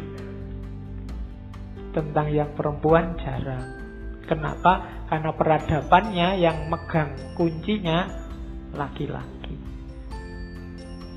Oleh karena itu nanti terus Fatimah Mernisi membagi dua jenisnya Islam itu ternyata ada Islam politik, Islam risalah. Islam politik itu pemahaman Islam yang diterjemahkan dalam tindakan-tindakan yang didorong oleh kepentingan. Kebalikannya Islam risalah. Kalau Islam risalah itu bukan kepentingannya yang dibunyikan duluan tapi pesan ilahinya. Coraknya biasanya spiritual. Jadi tidak usah takut-takut kalau mau mengidentifikasi, oh itu Islam politik. Kalau ini Islam risalah. Tidak apa-apa karena memang ada dua jenis Islam itu. Kalau Islam politik sifatnya tergantung. Itu dari siapa, konteksnya bagaimana, untuk kepentingan apa. Kalau Islam risalah biasanya sifatnya moral spiritual. Itu pembagiannya Fatimah Mernisi. Kemarin ada geger-geger apa surat Al-Maidah. Kami tinggal identifikasi itu Islam politik apa Islam risalah. Kemudian ada geger-geger apa lagi itu. Ah, itu Islam politik apa Islam risalah. Tinggal kamu cek. Kategorinya cuma dua. Nah kalau ada apa-apa, oh itu Islam politik, ya sudah kamu nggak perlu capek-capek diskusi. Itu kepentingannya masing-masing berarti kan gitu. Kalau kamu diskusi ya paling gegeran hasilnya. Eman-eman, waktunya habis, energinya habis. Kejarlah Islam risalah. Di situ pesan Islam yang sejati ada di sana. Setelah itu terjemahkanlah untuk kepentingan kita. Nah, penerjemahan kita itu nanti ya jatuhnya Islam politik, ya tidak masalah. Ya kan memang begitu. Maka jangan merasa Islammu paling benar. Kenapa? Ya kita terbatas oleh kepentingan kita sendiri, oleh konteks kita sendiri. Maka kayak tadi kan, jangan kayak iblis yang merasa anak khairun minhu. Orang lain punya konteks sendiri, kita punya konteks sendiri. Itu bedanya Islam politik dan Islam risalah. Hari ini orang susah membedakan dua ini. Miliknya sendiri dianggap Islam risalah, kalau miliknya orang lain dianggap Islam politik. Yang paling benar aku, ini loh Islam risalah yang sejati. Ah, kalau kamu Islammu politik. Di, yang lain juga begitu nganggapnya ya salah, kamu itu yang politik, yang aku ini yang risalah. Janjane dua-duanya Islam risalah. Hasil menerjemah eh Islam politik. Hasil menerjemahkan Islam risalah. Versinya sendiri-sendiri. Maka kalau Quran tidak memerintahkan carilah kebenaran yang tunggal, tapi fastabikul khairat. Khairat itu apa tadi? Kebaikan ya lakukan yang baik sudah. Yang menurutmu baik jalankan aja. Insya Allah baik. Nah, itu Islam politik. Kelirunya ternyata terletak pada klaim kita bahwa yang versi kita kita anggap itulah satu-satunya yang benar. Akhirnya terus kita jadi sombong, merasa besar. Jadi kita masuk neraka itu bukan karena tafsir kita yang keliru atau benar terhadap Al-Quran, tapi karena sombong kita ini merasa benar kita itu. Makanya hati-hati. Salah nafsir itu manusiawi, salah paham manusiawi, keliru itu manusiawi. Tapi kalau sombong, itu Allah tidak memaafkan. Hati-hati di situ. Jadi Islam politik dan Islam risalah. Terus, nah itu kalimatnya, contohnya ini loh Islam politik itu dari Fatimah Mernisi. Dia ngasih contoh. Misalnya tentang bidadari. Ya. Katanya Fatimah Mensi, Al-Quran itu tidak pernah jelas ngomong berapa jumlahnya bidadari besok di surga. Tapi para ulama laki-laki rebutan nafsir. Jumlahnya bidadarinya berapa. Katanya Fatimah Menisi, saya itu mencermati ya. Misalnya Asindi menafsirkan bahwa besok ada 73 bidadari untuk satu laki-laki. Katanya Suyuti kebanyakan cuma 70. Ya. Ada Imam Qadi, Imam Qadi menafsirkan oh bukan 70 itu, 4900 bidadari untuk satu laki-laki. Jadi dia dapat ranjang-ranjang itu. Nah, di setiap ranjang itu ada 70 bidadari. Dan 70 bidadari ini satu orang bidadari pelayannya 1000. Pelayannya juga bisa diajak anu. Jadi Jadi tafsirnya 4900 bidadari loh. Pokok capek kamu 4900. Tidak ada capeknya Pak kalau di surga Pak. Pokoknya sak rapoke wis. Loh itu lah pikirannya laki-laki tuh ya. Quran itu tidak pernah sih ngomong itu nanti jumlah bidadarinya berapa atau bidadari itu pasnya apa. Tapi yo ulama cowok semua rebutan nafsir. Menang-menangan. Ya ada yang agak agak sopan-sopan gimana kalau Bukhari katanya Bukhari ya ndak lah. Ya jatahnya cuma dua aja lah. Ndak banyak-banyak besok di surga. Ya bonus satu, yang satu istrinya sendiri itu Bukhari. Tapi lagi-lagi kan rebutan itu. Pikirannya kan ke situ semua. Nah yang perempuan kira-kira ada nggak yang beda dari cowok? Tidak ada ya beda. Ada yang bidadara, bidadara itu bahasa Arabnya tidak ada. Memang tidak ada kalimat yang indikasinya ada Perempuan nanti ketemu suaminya. Kalau suaminya istrinya banyak, saya lupa baca di mana. Ketemunya sama istri paling muda. Ah, istri tua susah itu nanti. Jadi makanya kalau ada yang mau dimadu, dibalik aja. Aku tidak mau jadi istri pertama. Kalau mau ya cerai dulu, nikah sama istri kedua, terus aku nikah lagi. Ya, posisiku istri muda sekarang. Besok di surga ketemu istri mudanya nggak ketemu istri istri muda biar jadi istri tua istri tua yang ketemu saya saya lupa baca di mana ada tafsir semacam itu lo itulah pikirannya laki-laki semua tuh surganya laki-laki itu kan isinya bidadari tok yang siap pakai ya. saya nggak tahu kalau kalau yang nafsu perempuan mungkin surga tidak kayak gitu mungkin isinya mungkin cowok-cowok isinya kayak di gym kayak yang kekar-kekar itu yang six pack mungkin gitu. Cuma karena cowok ya isinya gitu. Kan coba baca saya baca kitab Dakoikul Akbar itu kalau menggambarkan bidadari, wah luar biasa bahwa besok bidadari itu kulitnya mulus sekali. Saking mulusnya sampai tulang-tulangnya kelihatan. Ayo, kamu mau ndak ada cewek cakep tapi tulangnya kelihatan? Apa ndak lari kamu ketemu bidadari Terus putihnya kulitnya itu seputih kapur Duh susah kan kamu bayangke putihnya kayak kapur gitu kan Wah itu malah ngeri Jadi itu ternyata apa? Tidak cuma bidadari imajinasinya laki-laki Tapi imajinasinya laki-laki Arab abad ke-6 Arab zaman-zaman itu kan bayangannya surga kayak gitu. Makanya surga itu digambarkan disimbolkan dengan metafor jannatin tajri min tahtihal anhar. Itu kan orang Arab seneng kalau dapat rumah ada sungai yang mengalir di depannya. Karena di sana memang daerahnya padang pasir, oase. Kalau kamu diiming-iming, tenang aja besok di surga dikasih rumah pinggir kali. Oh, kamu kan wah cuma capek-capek ibadah cuma dapat oh mah pinggir kali, tidak seru kan gitu kamu.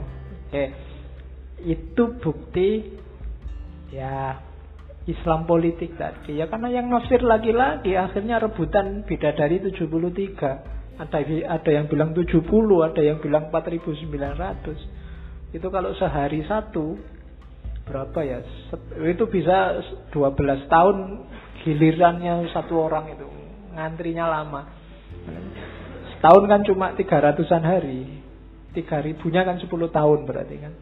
Nah, berarti nek 4900 itu gilirannya bisa ya bisa 11 12 tahun habis sekarang sama ini besok ketemu ini lagi 12 tahun yang akan datang itu kalau dipikir kayak gitu tapi apa iya begitu? Yaitu laki-laki katanya Fatimah Mernisi. Ini contoh kecil bagaimana agama ketika ketemu dengan tafsir laki-laki. Pesawat.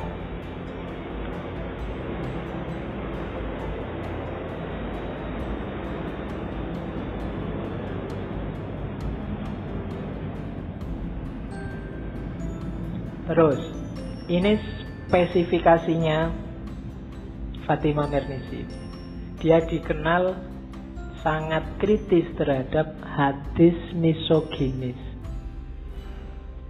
Hadis misoginis itu hadis yang konotasinya kok agak benci perempuan kelihatannya. Ya pernah dia bahas tentang hijab, kan ada ayat hijab itu. Ayat hijab itu kalau dia telusuri itu sebenarnya tidak ada urusan dengan memisahkan laki-laki dan perempuan. Itu asbabun nuzulnya ayat hijab itu. Jadi Nabi itu habis nikah sama Zainab binti Jahsy. Karena Nabi kan rumahnya dekat masjid. Nah ini para sahabat ini podo ndak ngerti tepo seliro. Wong Nabi lagi manten baru, mereka ndak pulang-pulang dari rumahnya Nabi. Nah, terus turunlah ayat untuk yo tamu kalau tidak pada waktunya silahkan keluar rumah. Terus itu kan ayat hijab. Terus yang kedua yang ayat yang pakai jilbab itu kan asbabun nuzulnya ada beberapa istri Nabi jalan-jalan, berarti kan boleh jalan. Jalan di luar rumah, ada yang godain. Sahabat-sahabat ada yang sweet-sweet. Ya.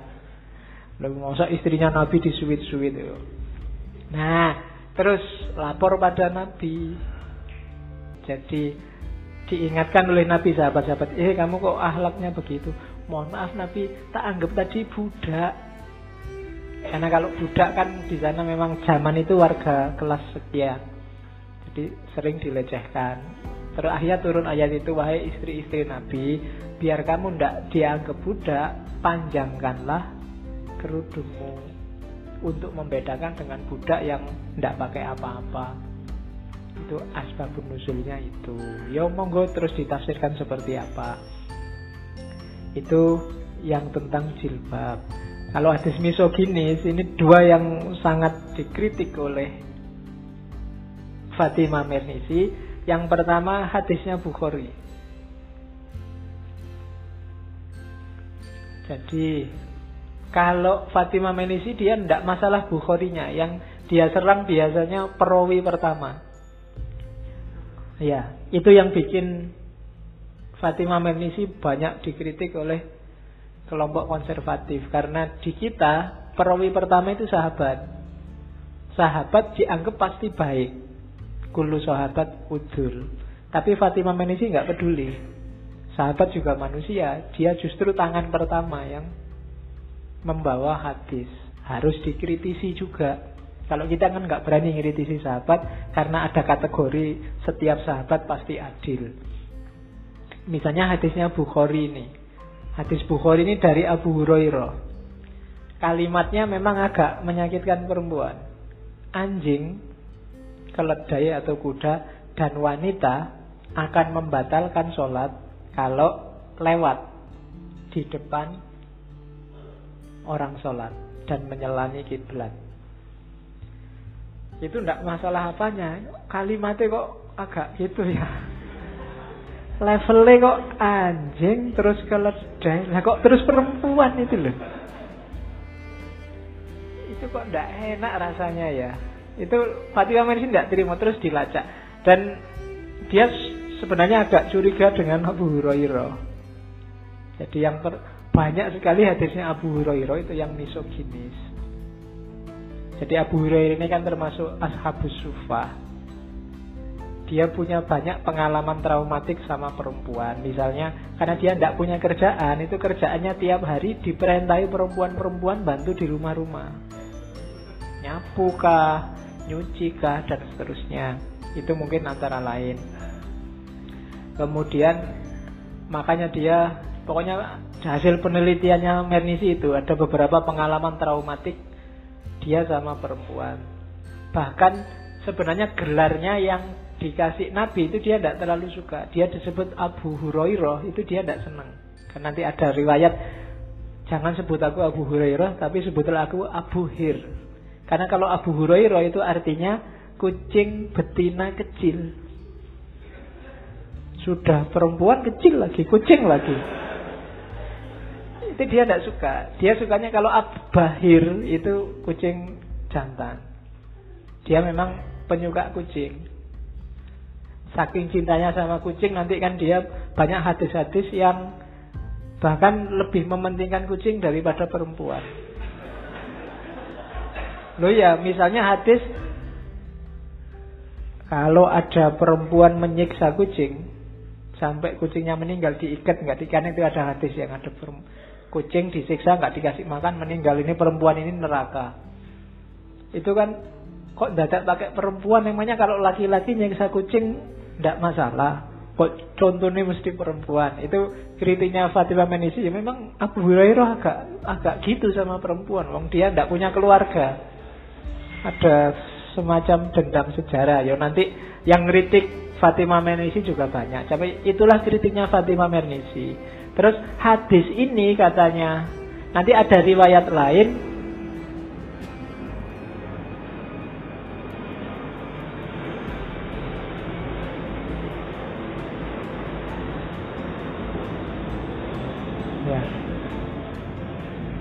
Ya. Dah. Iklannya sudah lewat. Nanti ada riwayat lain yang menabrakkan menabrakkan hadis ini riwayat dari Aisyah. Jadi katanya Aisyah waktu disodori hadis ini itu Aisyah ini sering tidak cocok sama Abu Hurairah. Dalam banyak riwayat dia sering clash. Katanya Aisyah, itu Abu Hurairah tidak ngerti. Wong itu Nabi pas ngomong ada saya. Itu kalimat depannya kehapus. Abu Hurairah mendengarkan bagian belakangnya dok. Kalimat depannya itu celakalah orang Yahudi yang mengatakan bahwa sholat itu batal kalau di depannya lewat keledai, anjing, dan perempuan. Jadi itu ada Yahudinya di depan, cuma Yahudinya ditutupi sama Abu Hurairah, dia nggak ngerti. Datangnya telat, ya kayak ngaji ini datangnya telat, terus riwayatnya yang belakang saja. Yang depan nggak diriwayatkan. Itu komentarnya Aisyah tentang hadis itu ya. Kan Aisyah tadi tergolong yang cerdas. Ya meskipun debatable. Ya tafsir macam-macam sih. Ada yang bilang ya ndak usah dilihat perempuannya. Coba kita sholat. Anjing lewat ya kita mesti ya terus sholatnya jadi nggak kusuk kan. Tiba-tiba ada anjing depan kita ya kita mesti lari ada keledai lewat juga ya apa ya kusuk sholat di depannya ada keledai apalagi cewek cakep lewat Karena ada yang nafsir gitu. Kalau ada itu lewat, ya sholatmu mesti nggak jadi kiblat, mesti ngadepnya terus ke sana. Itu ada yang nafsir begitu. Itu maksudnya sholatnya kan jadi terganggu, terhalang dan seterusnya. Cuma yang tidak disetujui oleh Fatimah Ternisi, contohnya kok ya mesti perempuan gitu loh. Mbok yuk kalau orang itu bilang aja orang, ada orang lewat, sama binatang lewat, sama apa lewat, mesti pakai perempuan. Nah itu, itulah laki-laki. Terus hadis kedua juga begitu, itu yang pemimpin perempuan itu kan tidak bakal jaya layuf liha kaumun wala amrohum imroatan. Itu yang diserang oleh Fatimah Menisi Abu Bakroh. Rawi pertama juga sahabat juga. Abu Bakroh ini bagi Fatimah Menisi tidak bisa dipercaya. Dia sering kena kasus. Antara lain dia pernah kena kasus konverf Kasus Qadhaf itu nuduh orang zina tapi nggak terbukti. Terus dia ini mantan budak juga. Yang punya beberapa trauma tertentu tentang perempuan. Terus yang kedua, hadis ini di blow up oleh Abu Bakar waktu perang Jamal. Yang dia maunya netral dan ketika didatangi oleh Aisyah, Mbok Abu Bakar, Mbok kamu di perang ini dukung aku. Nah, hadis ini dijadikan senjata untuk menolak bergabung dengan Aisyah. Padahal awalnya maksud hadis ini waktu diucapkan Nabi itu kan tidak dalam konteks menolak pemimpin perempuan, tapi mengomentari situasi kekaisaran di Persia. Persia ini kan salah satu kekaisaran yang waktu dikirimi surat oleh Nabi, suratnya disobek-sobek. Yang oleh Nabi, nanti kerajaannya akan sobek-sobek kayak surat-surat itu. Dan benar kerajaannya gonjang-ganjing, kemudian rajanya meninggal, anak-anaknya rebutan kuasa, yang menang yang perempuan ini. Dan waktu Nabi dapat berita itu, tetap tidak akan jaya. Kaum itu yang dipimpin oleh perempuan. Nah, itu kan konotasinya beda dengan apa pun yang dipimpin perempuan mesti tidak jaya. Itu kasusnya spesifik. Nah, itu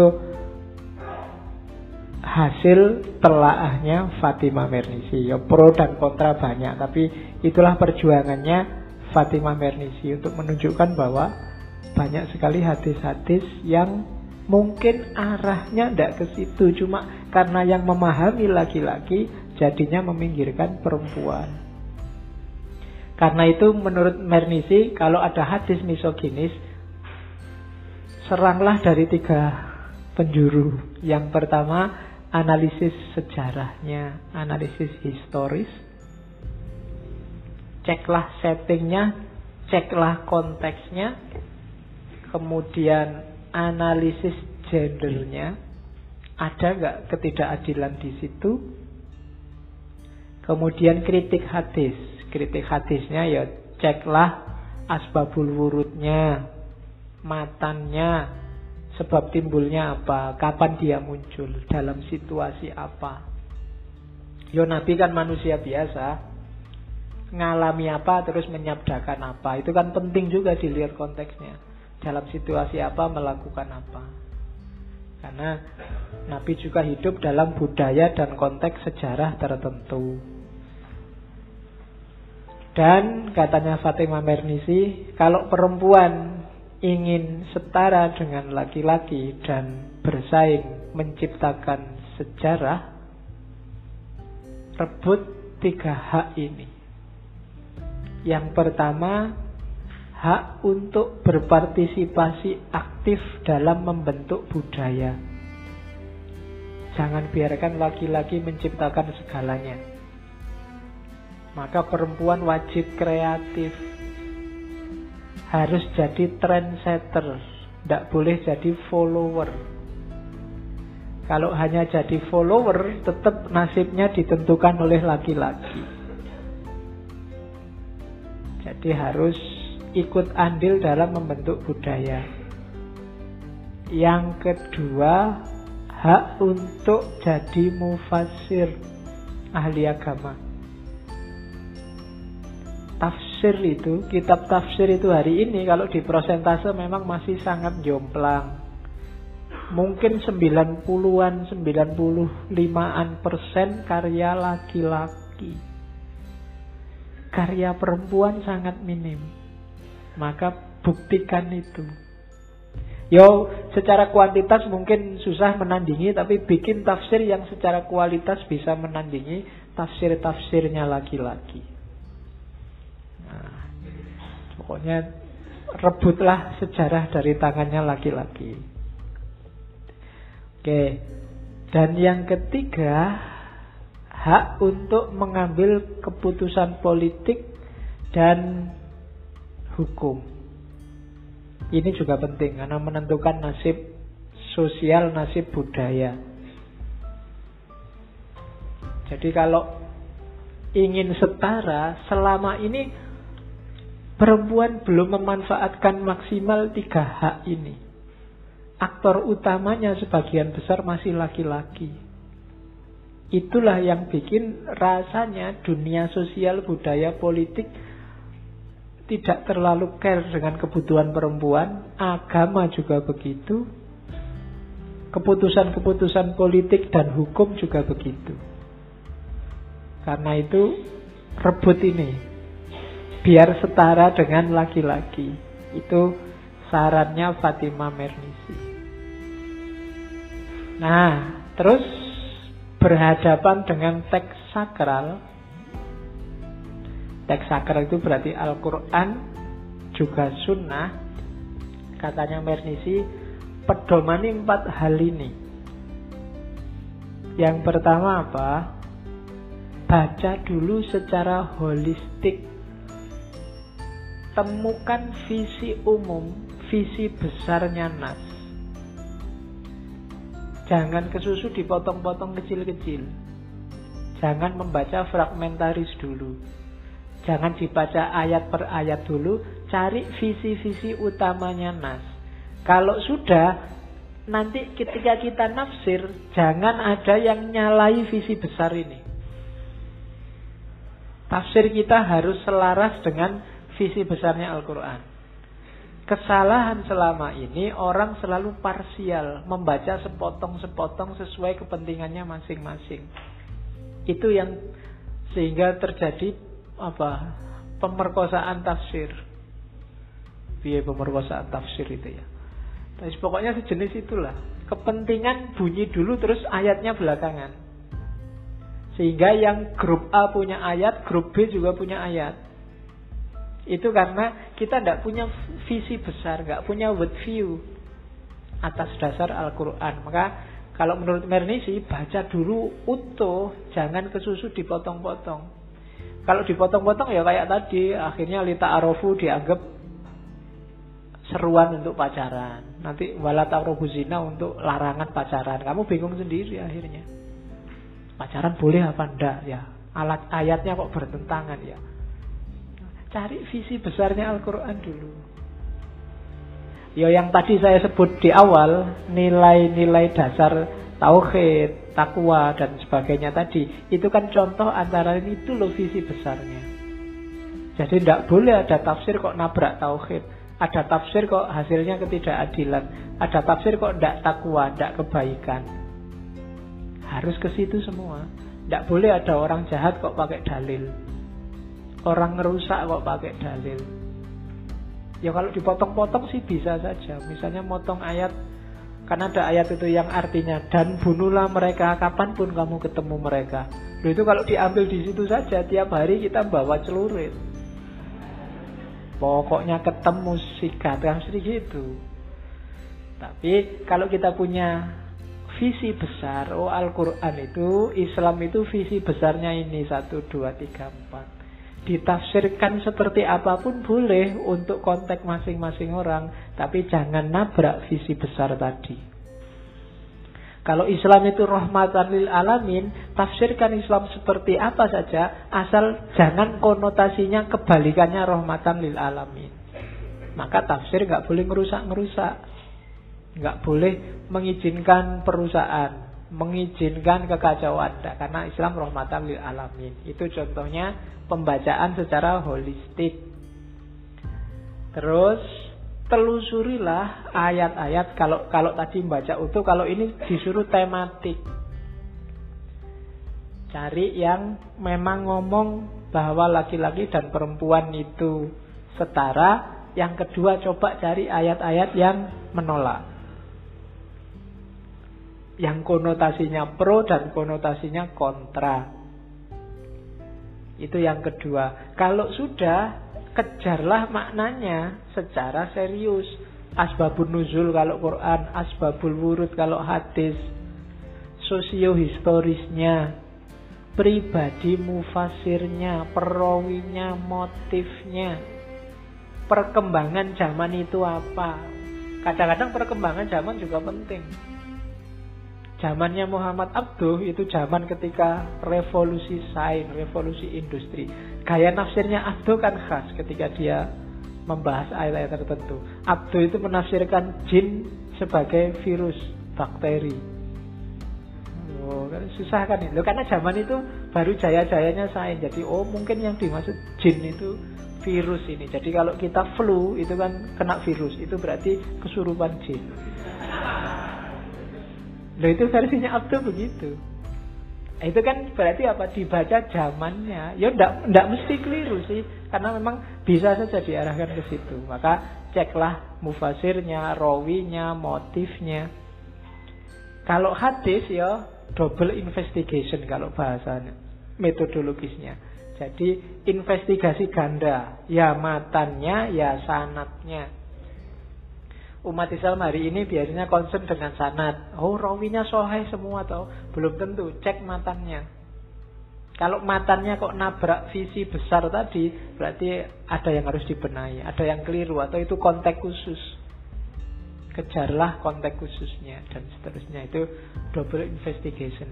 Dari sini nanti akan terjadi pergeseran, revisi pandangan kita tentang perempuan dan keperempuanan biar tafsir-tafsir yang misoginis, hadis-hadis yang misoginis itu kita pahami ulang, kita reinterpretasi yang hasilnya ramah perempuan juga ramah laki-laki.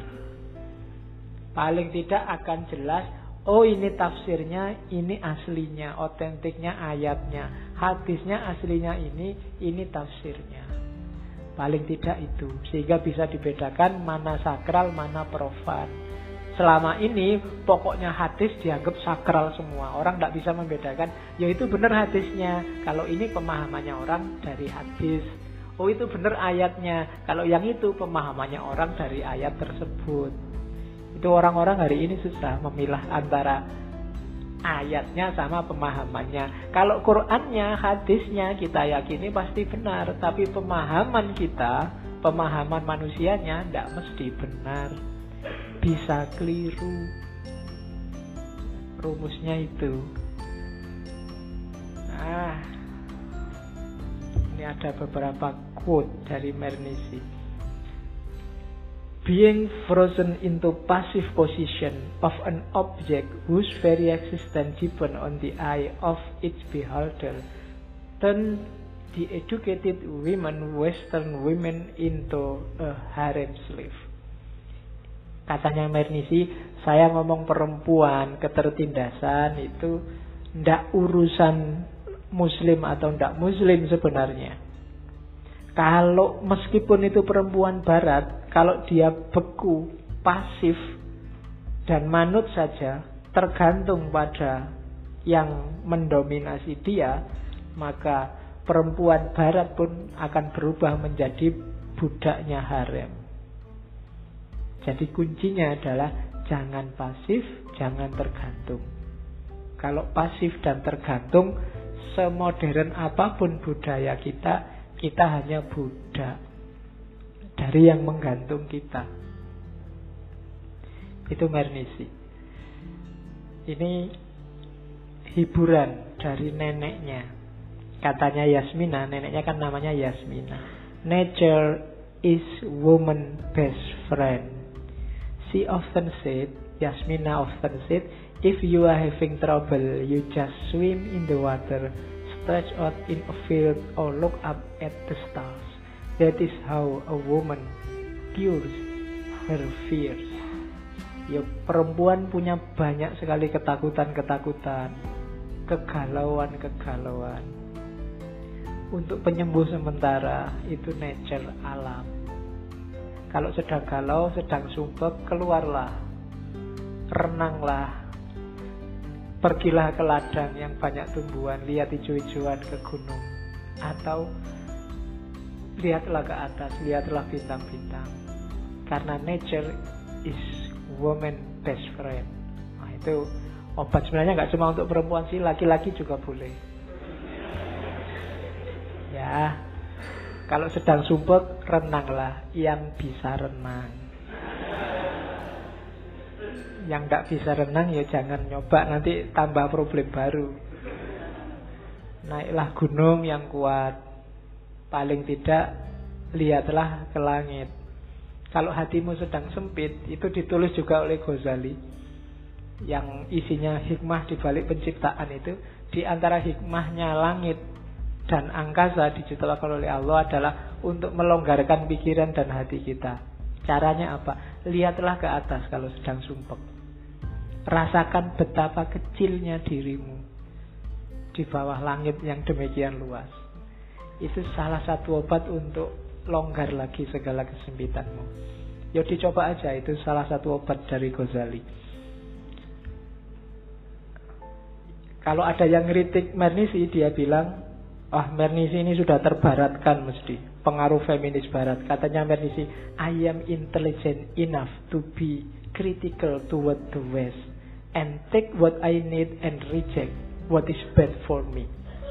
Jangan khawatir, aku cukup pinter untuk kritis terhadap barat. Akan aku ambil yang kubutuhkan dan kutolak yang jelek. Gak usah khawatir, kan di awal saya bilang Mernisi banyak juga mengkritik barat yang suka stereotip terhadap Islam.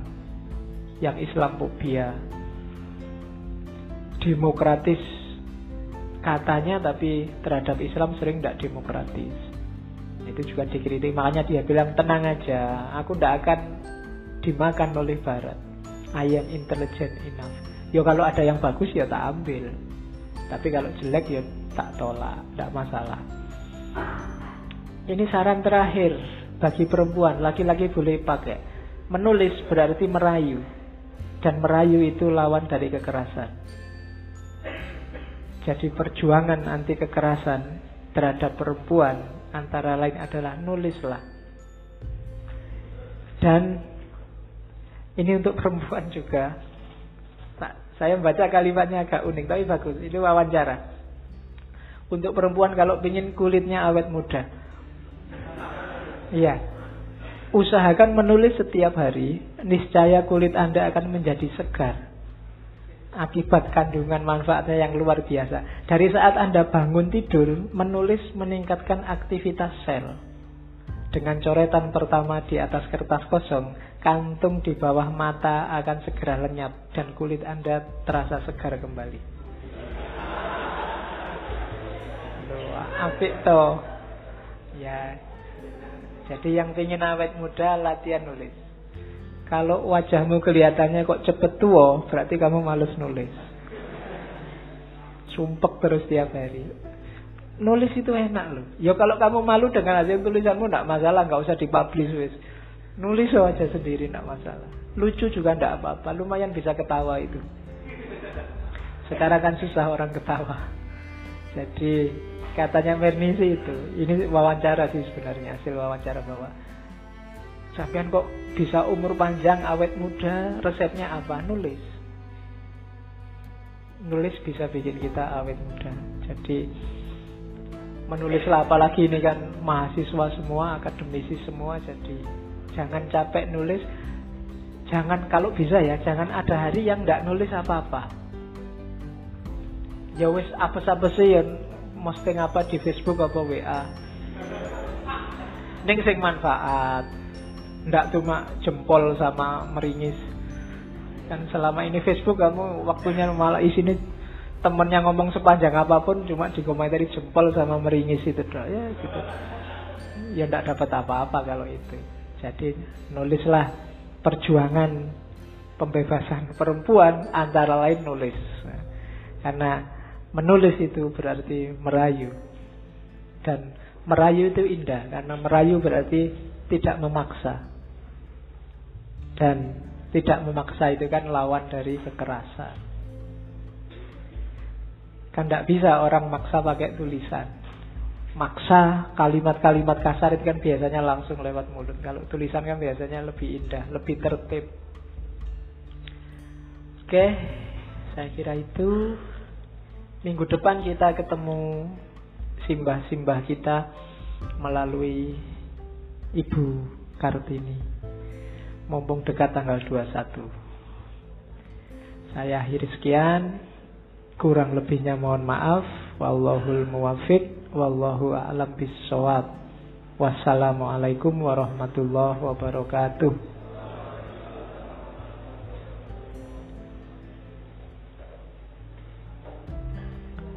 Alhamdulillahirrahmanirrahim Terima kasih disampaikan kepada Pak Faiz Semoga apa yang beliau sampaikan bisa menambah koleksi keilmuan dari kita semua. Kemudian informasi dari kami bahwasanya besok Sabtu malam Minggu tanggal 15 di Masjid Jenderal Sudirman ada